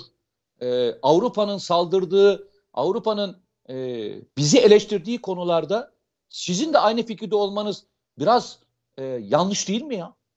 Biraz yanlış değil mi? Orada bunun en e, darbesini yiyen e, Masum Türker var. O emperyalizmin ne olduğunu onlara e, hissettiren sabahtan beri anlattığı aslında böyle e, yaşadıklarının bir kısmını anlatıyor. Zaman zaman konuştuğumuz için off the record olduğu için ben de söylemeyeceğim. Kendisi anlatır. Hangi dolapların döndüğünü, Türkiye'de kimlerin çıkarlarına hizmet eden grupların olduğunu bilmiyor muyuz? Ben Yani keşke davamız doların keşke doların doların inmesi çıkması olsa tek derdimiz. Çözersiniz. Ben o kadar söylüyorum. Peki. Masum Bey, şimdi eee, şu ana kadar konuşulanlar arasında bir konu başlığını da değiştireceğim bu arada ama eee, dediniz ya, şimdi oraya takıldın diyeceksiniz ama asgari müşterek hadisesine. Şöyle, Mete eee, hatırlattığı için aklıma geldi. Sayın Babacan'ın eee Türklükle ilgili ifadesi başta olmak üzere eee sonrasında savunma sanayine özellikle SİHA'ları ve İHA'ları bünyesinde bulunduran Baykar'a yönelik sözlerini biz e, tartıştık. E, sonra o yanlış anlaşıldığını falan ifade etti ama netice itibariyle toplumdaki yansıması biz bunlara gelince dokunacağız şeklinde kaldı. İzi bu şekilde kaldı. Şimdi bu 2300 maddelik 200 küsür sayfalık mutabakat metninde Hah ya işte oldu benim istediğim metin tam da buydu diyen bir Deva Partisi. Azerbaycan'la ilgili dost ve kardeş ülke Azerbaycan'la olan münasebetlerimizi arttırarak devam ettireceğiz ifadesini gördüm. Ama Sayın Kılıçdaroğlu'nun Karabağ krizinde takındığı tavır da aklıma geldi. Heh ben de Azerbaycan'la ilgili ben ve partim tam da bu şekilde düşünüyorduk. Dediğimiz bir metinden bahsediyor muyuz gerçekten? Diğer partileri saymıyorum bu arada. Söylemleri ve oraya metne ters düşen ifadeleri anlamında sormuyorum. Siz şimdi şöyle diyebilirsiniz. Ya bütün bunlar geri planda bırakıldı. Herkes e, zihninin arkasındaki düşünceleri frenine bastı. Bu metnin oluşması ortak mutabakat adını alması için diyebilirsiniz. Ama biz bunu yarın bitti demiştiniz ya ilk etapta. Yarın kendi içinde bir tartışmaya yeniden sebebiyet verecek şekilde konuşmayacak mıyız? Şimdi altı parti arasında bir tartışma çıkmaz.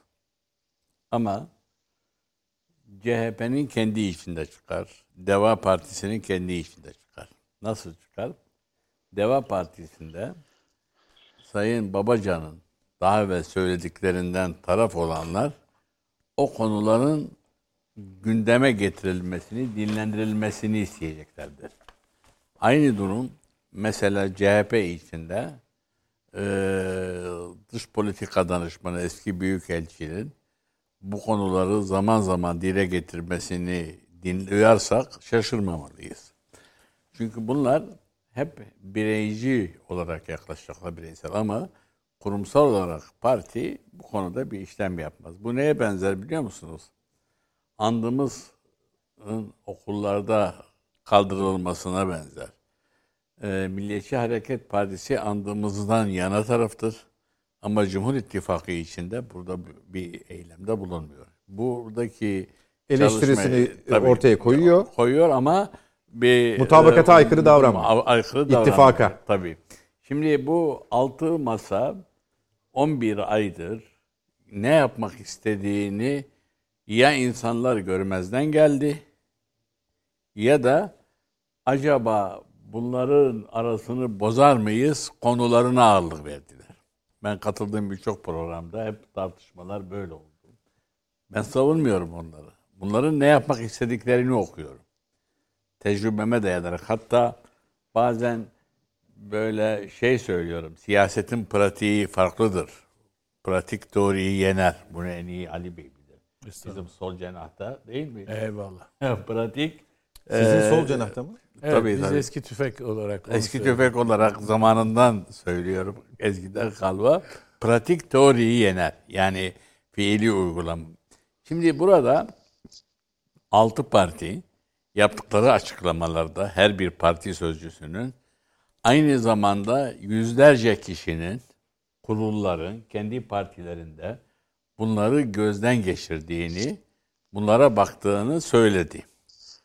Şimdi tabii burada ne var? Mesela ilk bu Sayın Babacan'ın Barkara'la ilgili e, sözlerini bir programda yorumlarken doğru olmadığını söyledim. E, ben parlamentoya girdiğim gün biliyorsunuz savunma sanayi ile daha doğrusu Milli Savunma Bakanlığı'nın savunma sanayi ve askeri bilgiler geldiği anda kapalı oturum yapılır. Siz de biliyorsunuz. Hı hı. Gazeteciler dışarı çıkarılır. Yalnız şeyin e, plan bütçe üyeleri kalır. Diğer milletvekilleri de girmez. Hani ben milletvekiliyim girme hakkım var der o gizli oturuma girmezler.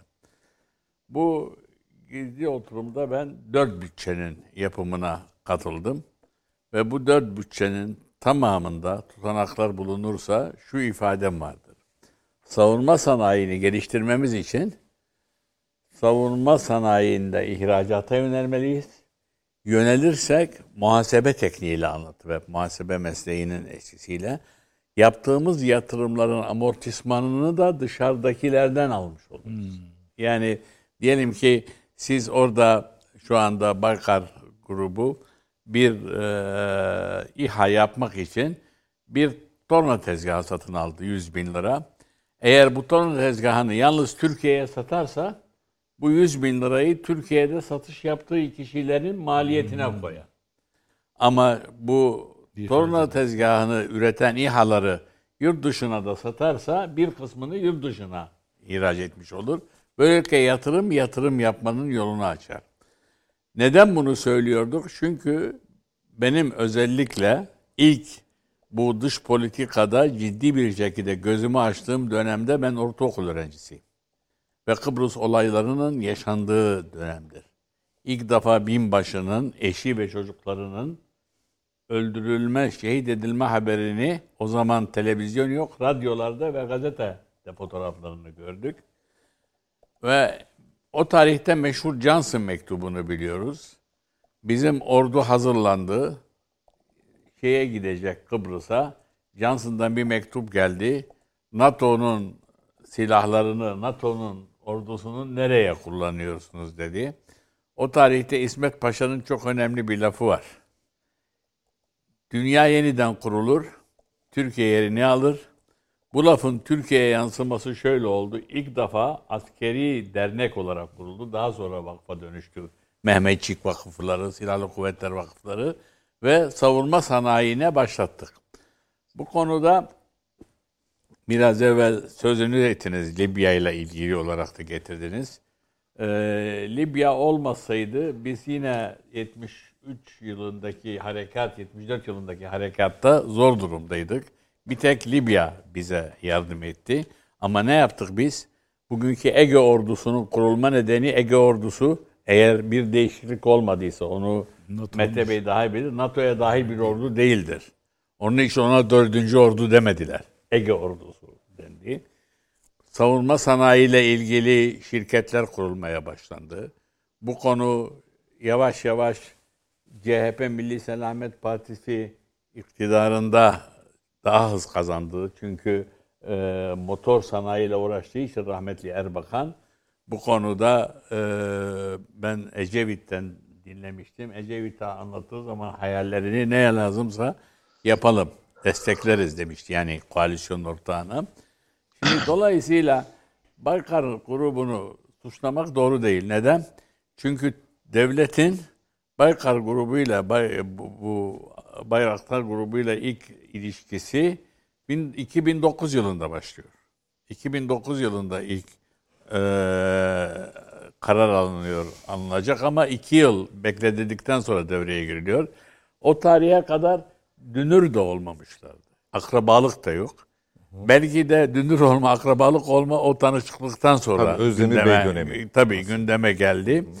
Şimdi böyle akrabalığı bahane edip bugün dile getirmek doğru değildir. Yani ben eee, ne olursa olsun eee, devletten yana olan, devletin varlığını düşünen bir yaklaşımda şu anda Türkiye'yi jeopolitik konumu dışında duruşuyla ve bu İHA SİHA üretimi dolayısıyla dünya kamuoyunda söz sahibi olmasını sağlayan olguyu söylemek doğru değil. Kaldı ki biz de biliyoruz. Bugün İHA ve SİHA'ları devlete yalnız bu şirket satmıyor. Hangi şirket üretirse silahı ihraç edebilmesi için, başka yere satabilmesi için devletin iznine ihtiyaç var. Eğer bir izinden bahsediyorsak bugün Amerika Birleşik Devletleri F-16'ları üreten devletin şirketi değil ki bir özel şirket. Ama bu özel şirket bile Türkiye ya da başka bir ülkeye F-16'yı ya da diğer silahları satabilmesi için diğer silah üreticileri senatonu karar alması, onaylaması şartıyla yapabiliyorlar. Ee, ve senatonun onaylaması yanında da yönetimin talip olması yanında. Bunu tartışmaya açmak siyasi prim yapmaz. Devlet adamı lafı devletin çıkarlarını kendi partinin çıkarlarından ve kendi kişisel çıkarlarının da önünde düşünmek demektir. Ben bu yönüyle bakıyorum. Peki. Kürt meselesi kavramına gelince şimdi bu e, Türkiye'de daha ilk e, anayasa kurulmadan biliyorsunuz Sevr Anlaşması'nda Türkiye toprakları üzerine bir Ermenistan ve Kürdistan devleti kurulması, Kürt devleti kurulması talebi vardır. Ve bu talebe ve bu e, anlaşmaya göre zaten biraz rahattı e, emperyalistler yani Türkiye işgalden yana olan Amerika ve diğer batılı ülkeler. E, Wilson'un bu konuda 2018 yılında açıklaması vardır Cumhurbaşkanı, şeyin başkanı Amerika'nın. Ama Mustafa Kemal'in Samsun'a çıkışından sonra yaptıkları Erzurum ve Sivas kongrelerinden sonra anayasanın yerine geçerli olmak üzere yayınlanan Hakimiyet-i Milliye bildirgesinde bir yeni milletin ve vatanın tanımı vardır. Ve o tanım bugüne taşınırken hep Türkçeleştirerek tanıyoruz. Mesela geçen gün bir rahmetli oldu dostum. Onun için e, Allah rahmet eylesin, mekanı cennet olsun, kabirde ışıklar içinde yatsın deyince birisi hemen bana akıl veriyor. İslamiyet'te nur vardır, ışık yok. Ben de nur kelimesinin karşılık manasını gönderiyorum. Nur, ışık demek, parıltı demek. Yani öz Türkçesini kullanıyoruz. Biraz evvel kullandığımız ya da e, kendi altılı masanın yani ittifakın kullandığı yurtta sulh, dünyada sulh aslında yurtta sulh, cihanda sulhtur. Yani barış kelimesi de değil. Bundan sonra barışa dönüştürüyor. O zaman da şöyledir Raf. Türkiye'yi kuran, Türkiye ahalisine, o zaman halk kelimesi yok, ahali kelimesi var. Ahalisine Türk milleti denir. Eğer Osmanlıca Türkçe sözlüğe bakılırsa, ben tır bazı sözlükler eksik yazıyor. Ama esas ana sözlüklere bakılırsa ilk e, baskılı sözlüklere ahali kelimesi iki mana taşır. Halk ve halklar. Mesela ben Mardin'de Birleşmiş Milletler gibiyiz. Bizde Kürt var, Türkmen var, Arap var, Süryani var, Ermeni var. Hatta benim çocukluğumda son Yahudi ailesi kalmış Yahudiler vardı. Eğer Süryani'den bahsedersek Süryani ahalisi derdik. Türkmenlerden bahsedersek Türkmen ahalisi dersek. Ama Mardin ahalisi dediğimiz zaman hepsini kastediyor. Yani bütün halkları kastediyorsun. Ama sonradan bu böyle halklar, halk filan kavramlarını baskılamak istediği sistem şeyde herkes halk şimdi mesela ben ahali kelimesinin halklar kelimesi dediğim zaman hemen sosyal medyada bu işi bilmeyen bana vay yanlış kullandın ahali halk demek. Hayır. Ben Arapça konuşan bir kişiyim. Yani ben Niye canım Türk, o zaten Türkmen kalıplaşmış olmama bir şey. rağmen Kalıplaşmış bir şey. Ey ahali denmez mi? e, işte halklardır. Yani tek başına halk değildir. Peki. Toparlayalım hocam. E, Şimdi dolayısıyla böyle tutup da bu sefer Türk kavramını farklılaştırmak doğru değil. Sonradan bu Türk milleti oldu, ulus yarattı. Yani bu konuda neden Çin Cumhuriyeti'nde Atatürkçülük dersi okutuyor? Orada farklı ırklardan nasıl bir ulus oluşturulduğu anlatılır. Emperyalizme karşı duruş denilmesinin nedeni Türkiye Cumhuriyeti'nin kurucusu Mustafa Kemal'in emperyalistlerle mücadelesi denmesinin nedeni budur. Mete Bey sağ olsun biraz evvel söyledi. Emperyalistlerden gol yemiş bir kişiyim ben. Yani biz Ecevit hükümetiyle beraber bir emperyalistlerin istediği Irak'a savaş yapamazsınız çıkışımızdandır ve rahmetli Ecevit aynen şunu anlattı. Orada Müslümanlar var. Biz toplum olarak Müslümanların öldürülmesine, Müslüman kadınların başıboş bırakılmasına göz yumamayız. Halkımız isyan eder. Bunu Ocak ayında söylerken Bush şeyi e, muhatap almayı bıraktı bizim bakanları. Bir tek dervişle konuşuyor. Bunu da bana anlatan rahmetli oldu kor general. Ondan sonra Cheney geldi Bush'un yardımcısı Nisan ayında Türkiye'ye. Dick Cheney, evet. Dedi ki biz araştırdık.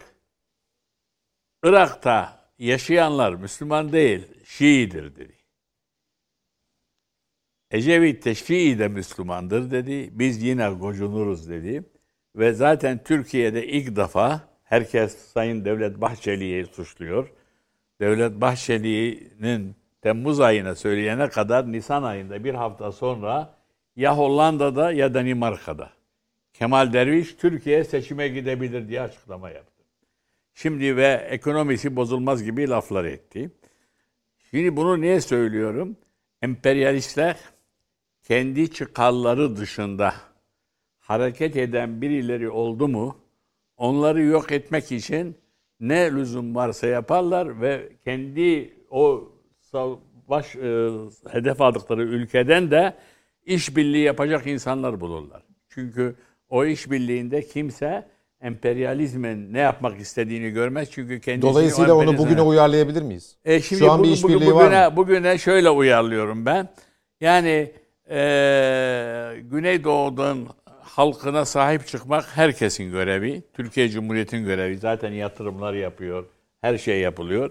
Ama oturup da ayrıcalık yapmak adına uğruna 100 yıldır kurulmuş olan Türk ulusu hatta 100 yıldan daha da fazla 2020 yılından bu yana yani 102 yıldır inşa edilmeye çalışılan Türk ulusunu 1920. vatan milliyetçiliği yok 2000 2020'den itibaren 2019'da girildi ya 19 Mayıs'tan itibaren ulus fikri 2020 1919 1919 işte. efendim 1919. Tabii 2019 tabii tabii tabii. Hayır, e, 1900, 1919. 1919'dan Tamam, sonra tamam. 1920'den itibaren de bu ulus fikri yayılmaya başlandı.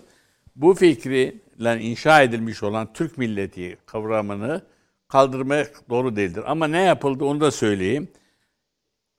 82 Anayasası'nda kadar gelene kadar Türk milletini tanımlanırken Türk milleti diye geçerdi. Orada da yine böyle bir şey birdenbire o maddede millet kelimesini kaldırılıp Türk denir dendi. Ve bu tartışmayı da sonradan geldiler hani Amerikalı gibi Türkiye'li kavramıyla bütünleştirmeye çalıştılar. Peki. Şimdi Hocam çok Türkiye'de uzadık. hemen şöyle hızlıca. Tarihi bilmeden, tarihçeyi bilmeden, siyasetin oluşumundaki o tarihi etkileri bilmeden söylenen her söz sonradan Türkiye'nin başına bela olmuş. Peki ama o söylediğiniz el daima üzerimizde. Onu anlıyorum. Vallahi o el Türkiye'nin şöyle üzerinde olur. Ee, Kendi elimizi belki bir gün- güçlendirmedikçe- belki bir gün o konuda konuşuruz. Ben Demokratik Sol Parti'de genel başkanlık yaparken bu konuda bir iki açıklamam vardı Libya ile ilgili vesaire. O zaman şöyle bir şey söylemiştim. Ee, Türkiye'nin jeopolitik konumu değişti. Jeopolitik araçlar da değişti. Ve bu jeopolitik konumu ve araçları değiştiği için çok daha fazla hedeftedir. Bu değişime uygun da kendini tahkim etmek zorundadır. Peki. Nedim Şener. Eee, şimdi program senin elinde herhalde değil mi şey? Ortak burada, mutabakat metni. Evet bana verilecekti el koydu ben de el aldım Anladım. dedi. Yok Ee, ben vereceğim. ben şimdi başlığı hafif değiştireceğim. Onunla ilgili Tabii. eklemek istediğim şey var Ben mı? şöyle demek istiyorum. Bakın e, e, hani bazı şeyler yedirilmiş e, öyle rahatsız etmeyecek hale getirmiş. Terörle mücadele konusunda işte FETÖ'lü FETÖ konusunda PKK'nın adını hiç geçirmeyerek dedim ya. Mesela e, Davutoğlu ve Babacan'ın çokça dillendirdiği işte ana dilde eğitim falan. Şimdi bakın anayasanın 42. maddesi zaten diyor ki kimse eğitim ve öğretim hakkından yoksun bırakılamaz diyor değil mi? Ve e, öğrenim hakkı kapsamı kanunla tespit edilir ve düzenlenir. Altında düzen şeyleri var. Şimdi burada ne yapmışlar bakın eğitim hakkında? E, eğitim kurum ve süreçlerini cinsiyet, etnik köken, din, dil, yerleşim yeri, sağlık durumu, sosyoekonomik koşulları ayırt etmeden fırsat eşitliği ve adaletini ve herkesin nitelikli eğitim hakkını garantine alan, kapsayıcı bir anlayışla düzenleyeceğiz. Anayasa zaten değişiyor, şey söylüyor. Alt, alttaki fıkralarda e, e, kız çocuğu, erkek çocuğu herkes yararlanır, dil Türkçedir açık söylüyor. Ama burada din dil diye ne vurgusu yapıyorsun? Yani zaten e, yabancı dilde eğitim yapanlarla ilgili de anayasada madde var. Onlar da kanunla düzenlenir ve uluslararası anlaşmalarla bağlıdır diyor zaten. Çok net. Onlar da denetlenir. Yine kamu denetimine de anayasaya da şeydir. Ve bu hani eğitim hakkını kullanıyorum diyerek maddede şöyle yazıyor. Bakın çok önemli bir cümle şey o. Ee, eğitim ve öğretim hürriyeti anayasaya sadakat borcunu ortadan kaldırmaz diyor. Yani sen burada bir takım böyle alavere dalavere ana dil bilmem ne falan numarası yaparken anayasanın diğer maddelerine muhali şeye e, karşı olamazsın. Anayas, anayasaya sadakatla sadakat borcun var. Ha diyeceksin ki biz o anayasayı zaten işte hep kaldırma. Aa, o zaman onun onun tartışması başka. İşte onun tartışmasını yapıyoruz biz burada. O yüzden terör konusundaki e, e, kay- mesela mevcut şu andaki yasalar yani sen yasa var eğer bunu değiştirme gücün yoksa e, PKK terör örgütüne yardım yataklık eden bir belediyeye nasıl kayyum atamayacaksın? Yani bırakacaksın. O adam o işi yapsın öyle mi? Şu anda mesela el, e, kayyum atanmış vekil vekaletle yönetilen belediyeler bırakalım PKK'lıların cenazesine gitsin. Çünkü devlet götürüyor sınır dışı operasyonda da e, leş haline getiriyor teröristleri. Sonunda bir şekilde geliyorlarsa onun cenazesine katılsın. Belediyeler ellerinde kalsın paraları. Diyarbakır anneleri mesela. Niye hiç yok? Terörle mücadelenin bugün gelinen psikolojik olarak özellikle toplumsal anlamda en önemli unsurlarından birisi mesela Diyarbakır anneleri. O mücadeleye niye atıf yok? Yani terörle mücadele bahsinde o kadar konuşulacak çok şey var ki. Ama aman HDP'liler kızmasın. O yüzden PKK'nın adını bile geçirmemişler burada. Bakın PKK'dan bir kez dahi söz etmemişler. Dolayısıyla bu bu yönüyle çok tartışılacak. Ama şunu söyleyeyim. Biraz ne, ne diyelim li, e, ortak aday tartışılmasın diye kim olduğu üzerine fazla konuşulmasın diye işte böyle bir metni ortaya atıp e, e, hepimize tartıştırıyorlar. Toplumun e, önüne koyuyorlar. Ama bu Mete'nin söylediği gibi insanların okuyup da ya evet ben buna işte oy veririm kardeşim. Bunu hangi kim olursa olsun hani deniyordu ya art şeyin e, Kılıçdaroğlu ha Ali olmuş ha Veli olmuş. Önemli olan ortak e, metne bağlılıktır. Bizim ortak kararımıza bağlılıktır. Şimdi bu bu mu? Yani o metin bu mu yani? O zaman Ali Veli fark ediyor. Ali Veli fark eder bunda. Bunu uygulamaya kalkan yani şu haliyle mevcut anayasa, mevcut yasalara göre bunu uygulamaya kalkan suç işler ancak ve ancak anayasayı değiştirirsen Aynen. bir şekilde yaparsan bunlar mümkün olabilir. Yine de Ali ile Veli ile ilgili kısımları var bence. Yani şu kadarı Bu Ali Ali'nin bu kadarı. bu kadar çok vurgulamanızı e, tasvip etmediğimi be sürekli Ali Veli ne oluyor efendim başka bir değiş yok mu? Burada Ali Bak var. ve Masum Bey. Aramızda Ali var. Ali Bey Ali de az Ee, sonra olmayan bir Ali. evet. 13 Şubat'ta ne olacak? Hiçbir şey. Valla Ertesi gün sevgililer günü diyormuş şimdi. bu konuda e, Genel Başkan Yardımcılarından Cumhuriyet Halk Partisi'nin e, Özgür Özel Bey çok veciz bir e, sözü var. Bugün e, sosyal medyada da dolaşıyordu. E, mutabık olma konusunda mutabıkız dedi. Demek ki mutabıklar mutabık olma konusunda. Demek ki 13 Şubat'ta e, bir şey açıklamayacaklar. Öyle hissediliyoruz yani. Bu, efendim, ama zaten e, Sayın Kılıçdaroğlu'nun ifadesi bu. E, İyi Parti cephesinden de zaten itiraz Ama, geldi. ama Kılıçdaroğlu 13 Şubat'ta belli ederiz ama açıklamayı o gün yaparız demedi. Beraber dinledik biz onu. Evet. Evet, hemen ben- arkasından hemen bir cümle daha ekledi. 13 Şubat'tan sonraki tarihi belirleriz dedi. Şöyle bir şey e, 23 Şubat falan. Şu Tabii, lafı tabii. ben mi uyduruyorum? Acaba siz de duydunuz mu? Bazı şeyleri seçimden sonraya bırakma gibi bir e, söz hatırlıyorum ben. Bir değiş. Kim ettiği tam Meral Hanım'a çok daha yakın geliyor bu ama yani bu hani ne yapmalı var ya bu metinde öyle yap, onu da yapacağız, bunu da yapacağız, onu da edeceğiz. Aynen katılıyorum dediğime mutlaka anayasayı değiştirmek lazım. Bir sürü madde var sayarım size. Bir de siyasi iletişim boyutunda 2300 maddeyle ortaya çıkmak kadar yanlış bir şey yoktur. Yani hangi birini akılda tutturacaksınız? Yani o yüzdendir ki e, Mete'nin altını çizdiği gibi burada Mesela belli ana hür- mesela konular tar- eğitimde diyor ki fikri hür, vicdanı hür nesiller yetiştireceğiz. Maddelerden bir tanesi bu. Evet. Şimdi 2300 maddeyi böyle ayıklayın. İçinde çok operasyonel maddeleri çıkarın. Çıkar. Geriye Geriye işte o e, şey var. ipe dizme dizilecek Yani şeyler işte- var. Yani ondan sonra nasılını bu seçimde biz bu işi halledelim Erdoğan'a bir düşürelim. Ondan sonra sonra biz Sonrasına bunu, bakarız. Sonrasına bakarız. Ama bu eksik zaten. Onlar e, 26 tarihi bildirilerinde söylüyorlar. Bu temel kararlarda bir şey açıklanmadı.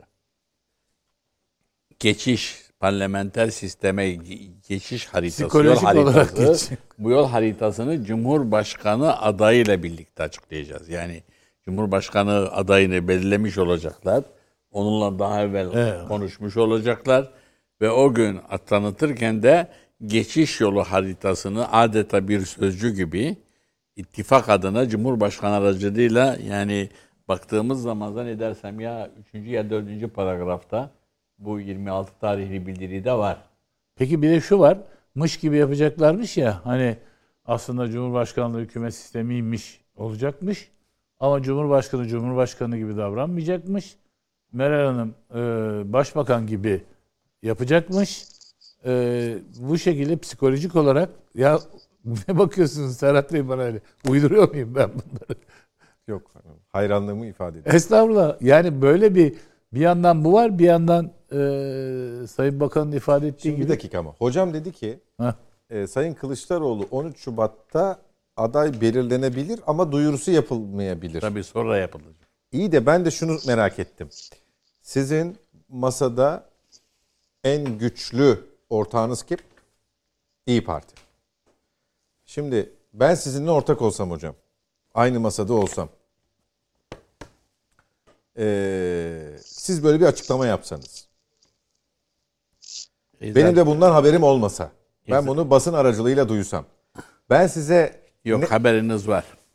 Yani Hayır, hayır. kendi, kendi bakın- aralarınızda konuşmuşsunuz. Bu açıklamayı düzelten 20 13'ünde açıklanma konusunda kararımız yok ki diyor. Hayır. Kılıçdaroğlu da Hayır ben diyor. başka bir şey soruyorum. Başka bir şey soruyorum. Adayı açıklayacak demiyorum. Şöyle. Ben sizin ortağınızım. Güçlü ortağınızım. Tamam. Siz bu açıklamayı bir televizyon kanalındaki yayında yaptınız. Tamam mı? Ama Katıldınız. şeye dayanarak yapıyorsunuz siz. Hocam o değil sormak istediğim. Evet. Bana da gelip biri diyor ki Masum Hoca böyle böyle bir şey söyledi. Sen ne diyorsun? Benim de cevabım şu. Bende böyle bir bilgi yok. Doğrudur. mu derim yoksa evet 13 Şubat'la ilgili kendi aramızda da konuştuğumuz aday konusunda takvim konusunda bir takım müzakereler var. Ya siyasetçi bir kere böyle söyler zaten. Ee, sayın Değil mi? işte Sayın Masum hocam e, tarih vermiştir ama biz kendi aramızda görüşme ya bunun gibi bir şey söylerim. Ortalarım ya da. Tabii tabii topu çevirmek. Ama bizde böyle bir bilgi mevcut değil demek. Ama doğru. O, konuşmada da bilgi olmadığını belirtti yani Kılıçdaroğlu. Bakın bu şeyde de İyi yazılı. Meral Parti cephesinden Tamam, bizde iyi, bil- böyle bir bilgi mevcut değil Diğer demek. 5 parti de aynı Sen şeyi söylüyor. uyduruyorsun kafandan demekle eşdeğer Hayır hayır hocam. burada yazılı.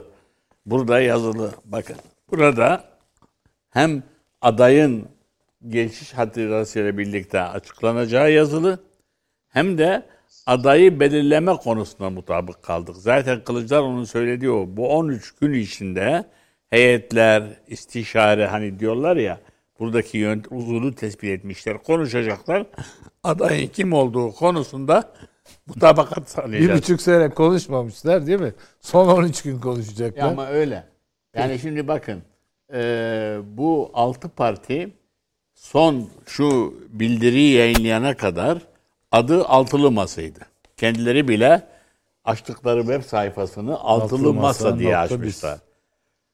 İlk defa bu bildiri yayınlanırken ayın 26'sında dört yerde artık Millet İttifakı lafı geçiyor. Çünkü o saate kadar Kılıçdaroğlu da yaptığı açıklamada ben de tartışmalarda bazen yorum yaparken böyle yapıyordum. Dört tane ittifak mensubu var diyorduk. Saadet Partisi, Demokrat Parti, Parti, CHP. Diğer iki parti daha ittifaka dahil değildi. Onun için altılı masa deniyor. Almışlar ittifakı. Fakat burada artık biz ittifakız diyorlar. İttifak olmak için bu 11 ay bile az, kolay değil. Bir partiyi kurmak için bile siz harekete geçtiğiniz zaman seçim şeyini, parti programını, tüzüğünü, usulleri, yönetmenlikleri oluşturmak için bazı hareketler var biliyorsunuz. Biz parti kuracağız derken aylarca sürüyor. Yıllarca sürüyor. Ama burada 11 ayda şu anda biraz evvel e, kavramı kullandım. Sağ olsun Mete yararında hoşuna gitti. Müşterek, asgari müşterekte birleştiler. Asgari müşterekte birleşince şimdi başka bir şeye şu anda çalışmaları gerekir ki aday belli olduktan sonra esas seçim bildirgemiz budur diye yayınladıkları zaman nasılı da yazmaları gerekir. Ne olduğunu hepimiz biliyoruz aynı sorunları. Ali Bey'in söylediği iletişim açısından halka sizin bana sorduğunuz soruyu enflasyonu nasıl düşürecekler? Türk lirasının değerini nasıl koruyacaklar? Hangi yöntemi kullanacaklar? Eğitimde mesela söylemişler. Onu söylemek kolay. 1, 5, 4 demişler galiba değil mi? 1, 5, 4, 3. 3. Yani e, aslında bir şey değişmemişler. 4 artı 4 artı 4'ün Hocam şeklini değiştirmişler. ben soruma cevap alamadım. Bakın okuyorum şimdi. Sen siyasetçiye soruyorsun ama. Bravo Hocam Mete. siyaset yapmaz bana ya. Ben Yo. siyaset yapmadım ki. Siyaset gözüyle ne olduğunu anladım. Hocam bakın Yo. diyorum ki siz Siyasetçi ittifakın büyük ortağısınız. cevap vermedi. Ben peşi, peşinize yani aynı masadayız. Diyorum ki sizinle müzakere etmediğim bir şeyi siz açıklıyorsanız ben size çatlak anlamında bende bu bilgi Ama mevcut müzakere değil derim. edilmiş diyorum. Buradaki metne göre. Yani ben bu metni okuduğum zaman Siyasal iletişimde bunun yeri nedir Ali e, Bey? tabii Abi bakın. Ben aya- sizinle ittifak kurmaya karar verdim. aya, aya Ben sıkmaktı. ittifakı sizinle kurmaya karar verdim. Evet, evet. Bu yapım- Benden habersiz gittiniz 13 Şubat tarihini telaffuz ettiniz. Ben size ben Nedim Bey'e diyorsam ki bu bilgi bende mevcut değil. Aslında ne, ne demek istiyorumdur? Sen bunu uyduruyorsun demek istiyorum. Bir. iki political correctness dedikleri bir laf vardır Anglo-Saksonların. Neymiş efendim?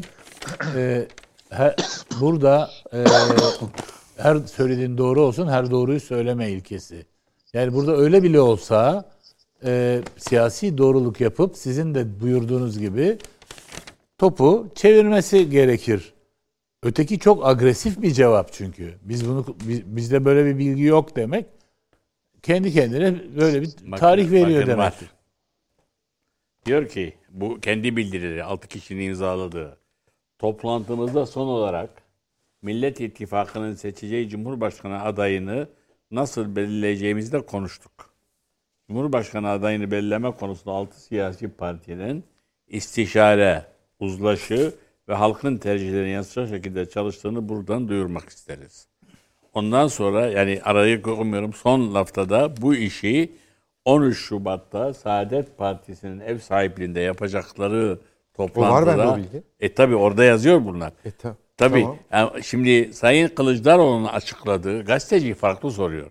Oradaki kişi de Kılıçdaroğlu'nu izlemiştir. Kılıçdaroğlu demiyor 13'ünde açıklayacağız. 13'ünde açıklayacağız lafını söylerken sizin sorduğunuz gibi sorunca ona İsmail Bey e, gazeteciler dündü dedi ki 13'ünde karar veririz ama açıklamayı sonra yaparız. Yani bunu düzeltti. Tamam. Ben şöyle Yani, anlıyorum. e, 13'ünde o zaman adayımızı belirlemeye karar verdik toplantısı. Yani e, burada öyle diyor zaten. Tamam. 13'ünde karar verecekler. Bu dışarı sızmayacak. Tabii. Sızmayacak. Ondan sonra bekleyecekler herhalde bir Kim aday? Şimdi bana göre e, eğer Kılıçdaroğlu aday olmazsa hatırlıyorsunuz sizin buradaki programda ben Kılıçdaroğlu aday olmaz diyordum. Ne zamandan beri fikrimi değiştirdim? İmamoğlu'nun yasak kararından beri. Çünkü rüzgar değişti. Ama yine de aday değilim derse üç aday var.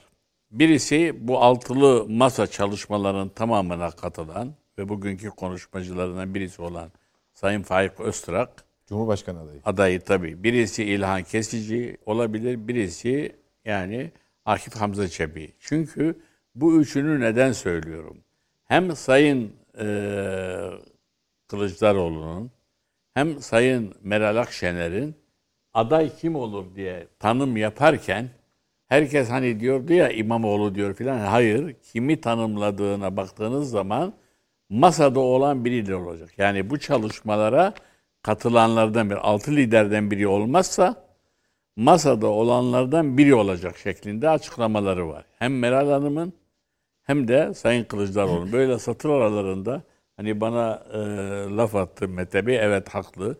Bazen ben siyasetçi gözüyle bakıyorum. Yani siyasette nasıl okunur bu? Ben öyle okudum. E, bunlardan birisi olabilir. Ama Kılıçdaroğlu'na eskiden aday olmaz değişim yani kendi isteğiyle olmaz. Şimdi biraz yüzde elliyi geçti aday olabilir ihtimali. Çünkü bu İmamoğlu olgusu havayı değiştirdi. Yani hangi havayı değiştirdi? Cumhurbaşkanı adayı kim olursa çıktığı zaman sahaya İmamoğlu beraberse 2-3 puan etkiler. Zaten bu nedenledir ki onu dün de sordular. E, beraber izlerken dikkat ettim. Ee, İmamoğlu şu anda hani eleştiriliyor ya geziyor, niye geziyor filan. Bu gezilerden haberdar olduğunu ama imgesinin de yani temel e, dayandığı olgunun adalet kavramı üzerine inşa ediliyor. Ve bu bildiride de e, üzerine durdukları stratejiyi eğer değişmezlerse buradaki stratejiyi hukuksuzluğu ortadan kaldırmak esası üzerine. Biz o haberdar olma kısmını geçen hafta da konuştuk ama kamuoyunda yansımasının hiç de öyle olmadığına Ama kanaat getiriyoruz. önemli olan kendi yansımaları. Yani Peki. bakın şimdi kamuoyuna bazı şeyler farklı yansıyor. Neden yansıyor?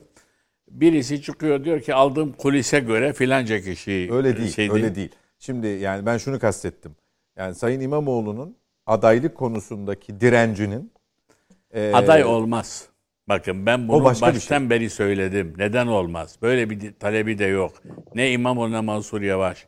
Aday oldukları takdirde şimdi mağdur olduğu halde seçimi kaybeder. Neden? Sen 16 bin kişi adına seçildim diyeceksin. 16 milyon adına. Ondan sonra senin bütün CHP örgütün şu anda şu bekleyiş içinde.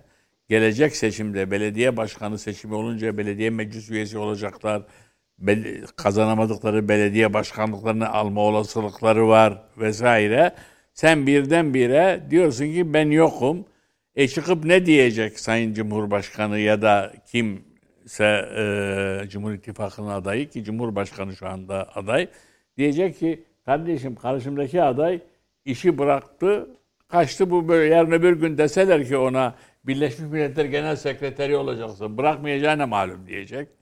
Onun için yani onun için yani İmamoğlu'nun diğer illere gitmesinin amacı Adı- kendisine yönelik haksızlığı, adalet Adalet hatırlatmasını, ve parti ve hakkındaki mi- karar millet- açıklanınca millet- Meral Akşener'le mi- çak yapıp Hayır hayır. Saraçhane- O, o şak normaldir. Bakın on, onları normaldir siyasette. Siyasette Meral Hanım'ın o şak yapması şimdi e, beraber sarıldılar ama İmamoğlu'nun eşiyle sarılmasını kimse göstermiyor. İmamoğlu'nun eşi çok bozuktu o saatte. Çok üzgündü. İmamoğlu da zoraki gülüyordu. Yani Siyasetçi değil çünkü, e, kadın. ama ateş düştüğü yeri yakar. E işte onu söylüyorum. Tabii. Gerçek duyguyu o veriyor. Ama bakın, bakın. O olması doğaldır. Ee, ben e, 97 yılında o zaman da Nokta Dergisi'ni yönetiyordum ve aynı görüşümü söyledim o tarihte de. Sayın Erdoğan için yasak kararı alındığı gün, aynı gün daha kesinleşmeden ha. Çok karar, kısa hocam. kar- karar çıktığı gün Saraçhane'de bütün Refah Partili İstanbul milletvekilleri, Siirt ve Diyarbakır milletvekilleri, aynı zamanda bugün MHP'nin Büyük Türkiye Büyük Millet Meclisi Başkan Yardımcısı olan Sayın Celal Adan, o tarihte Doğru Yol Partisi il başkanıydı. O ve bütün yönetim kurulu üyeleri Saraçhane'deydi ve Sayın Cumhurbaşkanı'nın söylediği söz aynen İmamoğlu'nun söylediği söz. Belki de oradan kim verdiyse şunu söyledi. Daha bitmedi dedi. Aynı lafı Sayın e, İmamoğlu da söyledi. Yani bu işi ben siyaseten bakıldığı zaman onların olması doğal. Herhangi bir birliktelik değil. Çünkü ateş düştüğü yeri yakar. Ben birlikteliği kastetmedim hocam. Ama adaylık için değil o. Peki, peki. Teşekkür ediyorum bu bölüm için de. Dönünce yavaş yavaş kapatacağız. Bir reklam arası daha veriyoruz. Nedim Şener bugün büyük bir fırsatı kaçırdın. E, Mete Yarar bol bol konuşur Nedim Şener demişti. Ama Masum hocamdan fırsat kalmadı. Hayır Olsun. efendim soruyu bana sordun. Sen bana Aa, be- be- beni, be- beni Peki. sıkıştıran sizsiniz. Hocam az siyaset yapmıyorsunuz benle de yani. Araya gittik efendim. Dönüşte buradayız. Devam ediyoruz efendim. Aslında yavaş yavaş sona geliyoruz. 10-15 dakika içerisinde toparlayacağız bu haftalık net bakışı. E, Mete Yarar e, bir Cihan Paçacı hadisesi oldu biliyorsun e, geçtiğimiz hafta.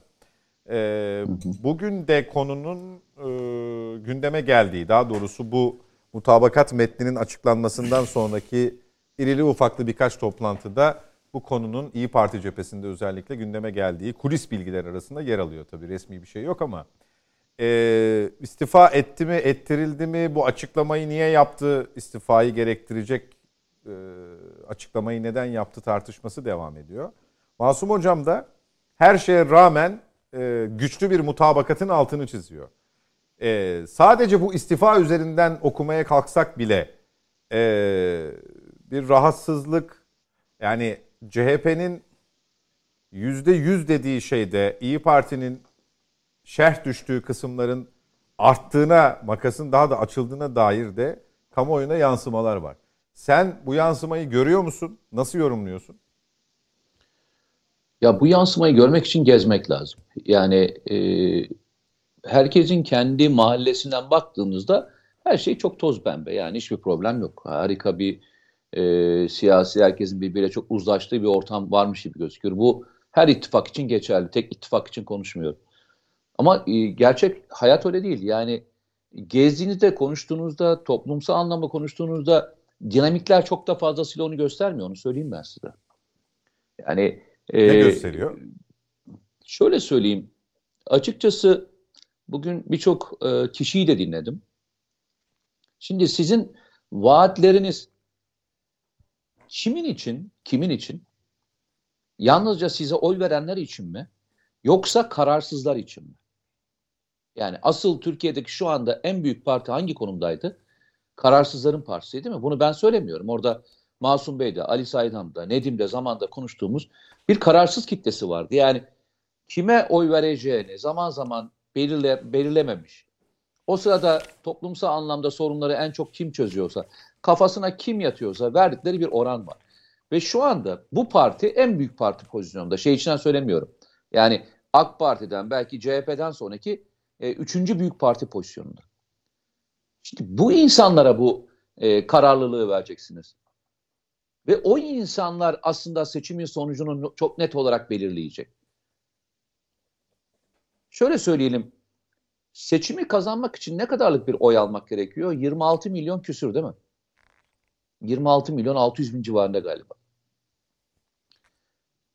Türkiye'de anayasayı değiştirebilmek için, referanduma gidebilmek için %62 civarında falan bir oy almanız gerekiyor. Yani bütün e, partilerin oylarının e, çoğunluğu kazanması için. Baktığınızda o kadar çok işiniz var ki. 26 küsür milyon oy alacaksınız arkadaşlar. Ve bunun içerisinde demin de Ali abin dediği gibi iletişimde ana nüveler olan konuların her birini pas geçeceksiniz. Sizce bunun tabanda yaratacağı hiçbir sıkıntı olmaz mı? Yani çok rahat bir şekilde yani nasıl olsa e, kendi aralarında ittifak yapmışlar. Yani mesela CHP Genel Başkanı Kılıçdaroğlu'yla e, İyi Parti lideri Meral Akşener çok iyi anlaşıyorlar. Deyip siyaset böyle mi yapılıyor? Bunun hiç tabanı yok mu? Yani onların siyaseten kendini bekledikleri, konum aldıkları bir durum yok mu? Belediye başkanları, belediye başkanlarının seç, e, birbirini değiştirmeleri, il başkanları, ilçe başkanları, değişimler. Bu böyle mi gider? Siyaset yalnızca üst blokun yaptığı ve konuşmaları üzerinden mi dizayn edilir? Yok. Tam tersine toplumla e, liderin konuştukları birbiriyle örtüşüyorsa seçim kazanıyorlar. Benim gördüğüm tek şey bu. Liderle yani partilerin konumlarıyla, söyledikleriyle e, halkın beklentileri örtüşüyorsa kazanıyorsunuz. Ben siyasetçi değilim ama e, Masum Bey'e de aynı şeyi söyleyeceğim. Birisi vaat ediyor, birisi de yapıyor. Siz kararsız olsanız kimi seçersiniz? Zaten eğer yaptıklarını beğenmiyorsanız kararsız değilsinizdir. Zaten kendinizi bir yere konumlandırmışsınızdır. Bir yere konumlandırmışsınızdır. Zaten beğenmiyorsunuzdur iktidarı. Zaten iktidara oy vermeyeceksiniz. Siz diğerlerinin arasından seçiyorsunuzdur. Ama hangi ittifaka oy veremeyeceğini dediğiniz kişiler yapılacak mı yoksa yapıyorlar mına bakar. Bugün geldiğimiz noktada zaman zaman e, yani siyaseten e, şu andaki Millet İttifakı ile ortak hareket eden, onların e, onların haberlerini yapan ve onlarla aynı şey düşünen e, gazeteciler de aynı şeyi söylüyorlar. Diyorlar ki yani e, hatta bir gazete şöyle bir manşetle çıktı. Yani Cumhurbaşkanı adayı geldiysen altı defa vur. Veya e, mış gibi yaparak seçim kazanılabilir mi? Ben yapacağım, e, yalnızca yapmayı vaat ettiğimle e, ikna edebilir misiniz? Peki.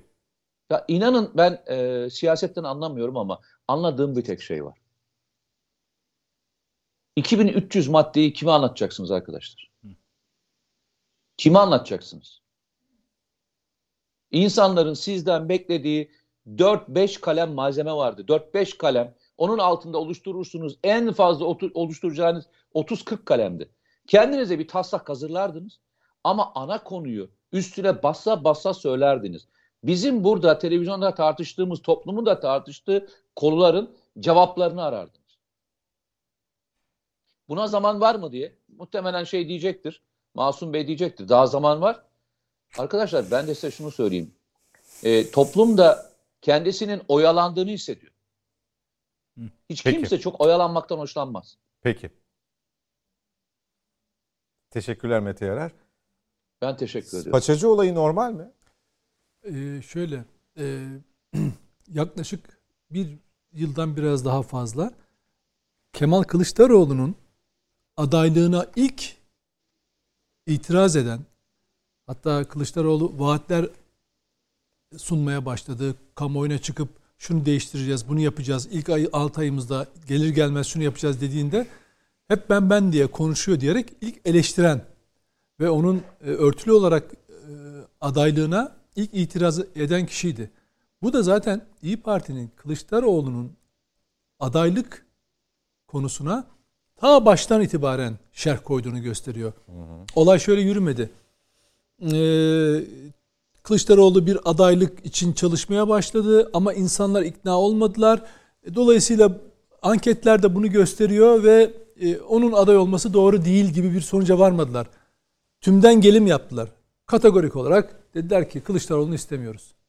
Onun üzerine ne inşa ettiler? Seçilemeyecek aday.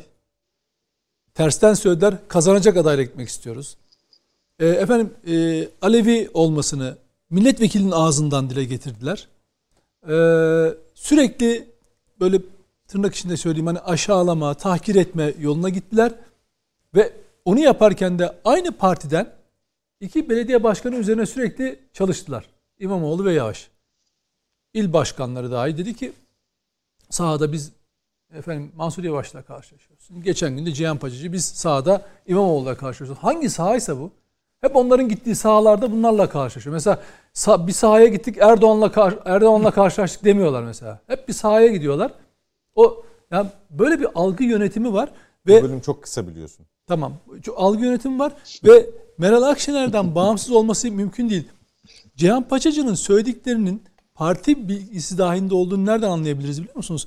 Bursa gezisiyle ilgili Mehmet Aslan, İyi Partili Mehmet Aslan'ın paylaşımı. İşte eğer bu halkın ilgisine kayıtsız kalırsanız seçmen de size sandıkta kayıtsız kalır diyerek İmamoğlu'nu etiketledi. Onu aday istiyorlar. Şimdi bunların hepsinin e, Meral Akşener'den bağımsız olması Bir mümkün mü? tweetle 3 mesaj. Şöyle düşünün. Aynen dediğiniz gibi 13'ünde Kılıçdaroğlu ki biz 13'ünde masada bir karar vereceğiz. Belki bunu açıklamasını biz 23'üne erteleyebiliriz. Biraz süreç e, uzayabilir falan dedi. Ama düşünün Kılıçdaroğlu'nun liderlerle konuşmuş olabileceği bir konuyu e, tekzip eden partinin sözcüsü. Bu neyi gösteriyor?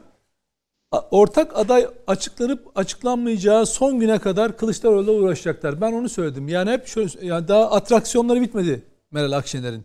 Ama Kılıçdaroğlu'nun pozisyonu şu, o net geçen gün Halk TV'de e, konuşmasından e, kendisini e, CHP'nin adayı olarak bir kere ortaya koyuyor. Yani o, o net. Ortak e, masada masada da ortak aday olması konusunda bir tek engeli kalmış. O da Meral Akşener. E, ona karşı söylenen sözler, söyletilen sözler yani Kılıçdaroğlu ekibinin söylettiği sözler İlhan Kesici veya işte bir, birkaç isimden bahsediyorlar. Masanın kabul etmeyeceği tırnak içinde çünkü siyasetçi olmasını istiyorlar. E, e, o da bir siyasetçi ama parti genel başkanlarından bahsediyorum. E, e, İlhan Kesici'nin olması o heyecanı yaratmaz. Hatta Kılıçdaroğlu daha fazla heyecan yaratabilir ama e, e, e, İlhan Kesici o kadar heyecan yaratmayabilir. Tamam bürokrat, dürüst, namuslu bir insandır. Seçilmesi önemlidir. Bu ülke için e, önemli bir şahsiyettir. Ama o şeyi vermiyor insanlara, o enerjiyi vermiyor. O da masadaki e, ortak aday tartışmasına bu kozla gidecek. Çünkü niye? E, Meral Akşener mutlaka o masada İmamoğlu ismini ortaya koyacak, koymak durumunda. Çünkü Peki. çok çalıştı üzerine. Peki. Ali Bey e, Buyurun bir iki dakikayla istirham ediyorum. E, bu bahsedilen isimler hocamın da sözünü ettiği isimler Faik Öztürk, Akif Hamza Çebi, Akif Hamza. Çebi ve Sayın İlhan Kesici. İlhan Kesici belki burada o iki isimden ayrışabilir. Daha farklı mütalaa edilebilir ama netice itibariyle zaman da çok dar. Kamuoyunun şu güne kadar muhalefet cephesinin adayı ile ilgili tartıştığı isimlerin dışında bir isim ya da ne diyelim daha az bilinen bir ismin rüştünü ispatlayabilmesi için yeterli vakit var mı? Kesinlikle yok tabii de. Yani bir de karşısında bilmem kaç senelik tecrübesiyle devasa bir her girdiği her seçimi kazanmış ya, Tayyip Erdoğan var yani. Bir de böyle bir durum var. Bence kesinlikle böyle bir şey söz konusu olmayacak. Çünkü birkaç ağızdan duyduk değil mi? Bu altılı masadan çıkacak aday. Cumhurbaşkanı adayı. Onu da söylediler evet. değil mi? Altı, bu altı kişiden biri olacak. Ya da Doğru. altılı masada çalışanlardan birisi. Peki Faik öyle bir Bey şey. kastediyor. Onu, o- evet evet onu o- Israrla. Sayın Bakan onu kendisi ilave Hayır, ediyor. ben Böyle bir şey deme. Böyle söyledi. Demediler, demediler. Dem böyle bir şey Meral Hanım'ın bir açıklamasında dikkat ettim. Ya altılı masa liderlerinden biri olur ya da baştan beri altılı masada çalışanlardan biri olur. Masum Beyciğim sizi binlerce yıldır tanımamın verdiği e, özgüvenle söyleyeyim böyle bir laf edilmedi. Yani hep her zaman şunu dediler bizim Yok, buradan çıkacak. Meral Hanım etti. Buradan çıkacak dediler ya. Masada. Neyse bu bir. iki Mete'nin getirdiği öneri yüzde yüz doğru. Böyle 30 maddelik bir şey. 4 tane 5 tane temel konu ama bunu yapamazlar. O zaman o zaman e, Nedim'in söylediği numarayı yapamazlar. Yani araya sıkıştır. Aynen. Onun üstünü kapat, bunu ört. Onu ancak 2300 maddeyle yaparlar. Yani yoksa 36 maddede milli bağımsızlık, PKK, bilmem ne, İsveç, Finlandiya hiç yok onlar mesela falan. NATO, işte Akdeniz, Ege falan bunların hepsinin olması lazım o Mete'nin önerisini getirme. O zaman fiili bir şey ve tavır koymak lazım. O zaman Masum Bey'in söylediği tabii ki asgari bu. O Mete azami müşterekten söz ediyor. Bu böyle bir şey söz konusu değil yani. Evet. Ondan şey, sonra yani fikri hür, vicdanı hür nesiller nesiller yetiştirilecek. Evet, oh. Çıkartın 2999 tane madde kalıyor mesela. Ya bu maddenin ne anlamı var orada? Yani o bütünlük içinde ne anlamı var? Hiç. Tamam önemli Evet, bir evet, ifade. evet, Sloganik Ne yani? evet. Netice kelam e, benim naçizane gördüğüm or, fetak kompli diyorlar ya buna yani emrivaki Türkçesiyle Kılıçdaroğlu öyle veya böyle aday çıkacaktır diye düşünüyorum. Siz bu isimleri Sayın Kılıçdaroğlu aday olmazsa diyorsunuz. Olmazsa diyorum tabii. Yani ben Olursa- eskiden Sayın Kılıçdaroğlu'na aday olma ihtimalim düşüktü. Hani Ama Kılıçdaroğlu şimdi bugün öyle değil. Şimdi Masum Beyciğim, Masum Beyciğim. İmamoğlu denklemiyle ilgili söylüyor. Hayır, tekrar arz ediyorum. Mas Kılıçdaroğlu bugüne kadar iki defa kendi dışında aday gösterdi. Doğru mu? Evet. İki defa. İkisini de çuvalladı. O da do- es, es, tabir amiyaneyle. şimdi Şimdi bir daha yaparsa onu zaten E, yok. siyasi e, hayatı yapa- bitmez mi ya? Yapabilir şu anda yani bu siz onu diyorsunuz siyaseten muhalif olanlar parti işi muhalefet bunu kullanır.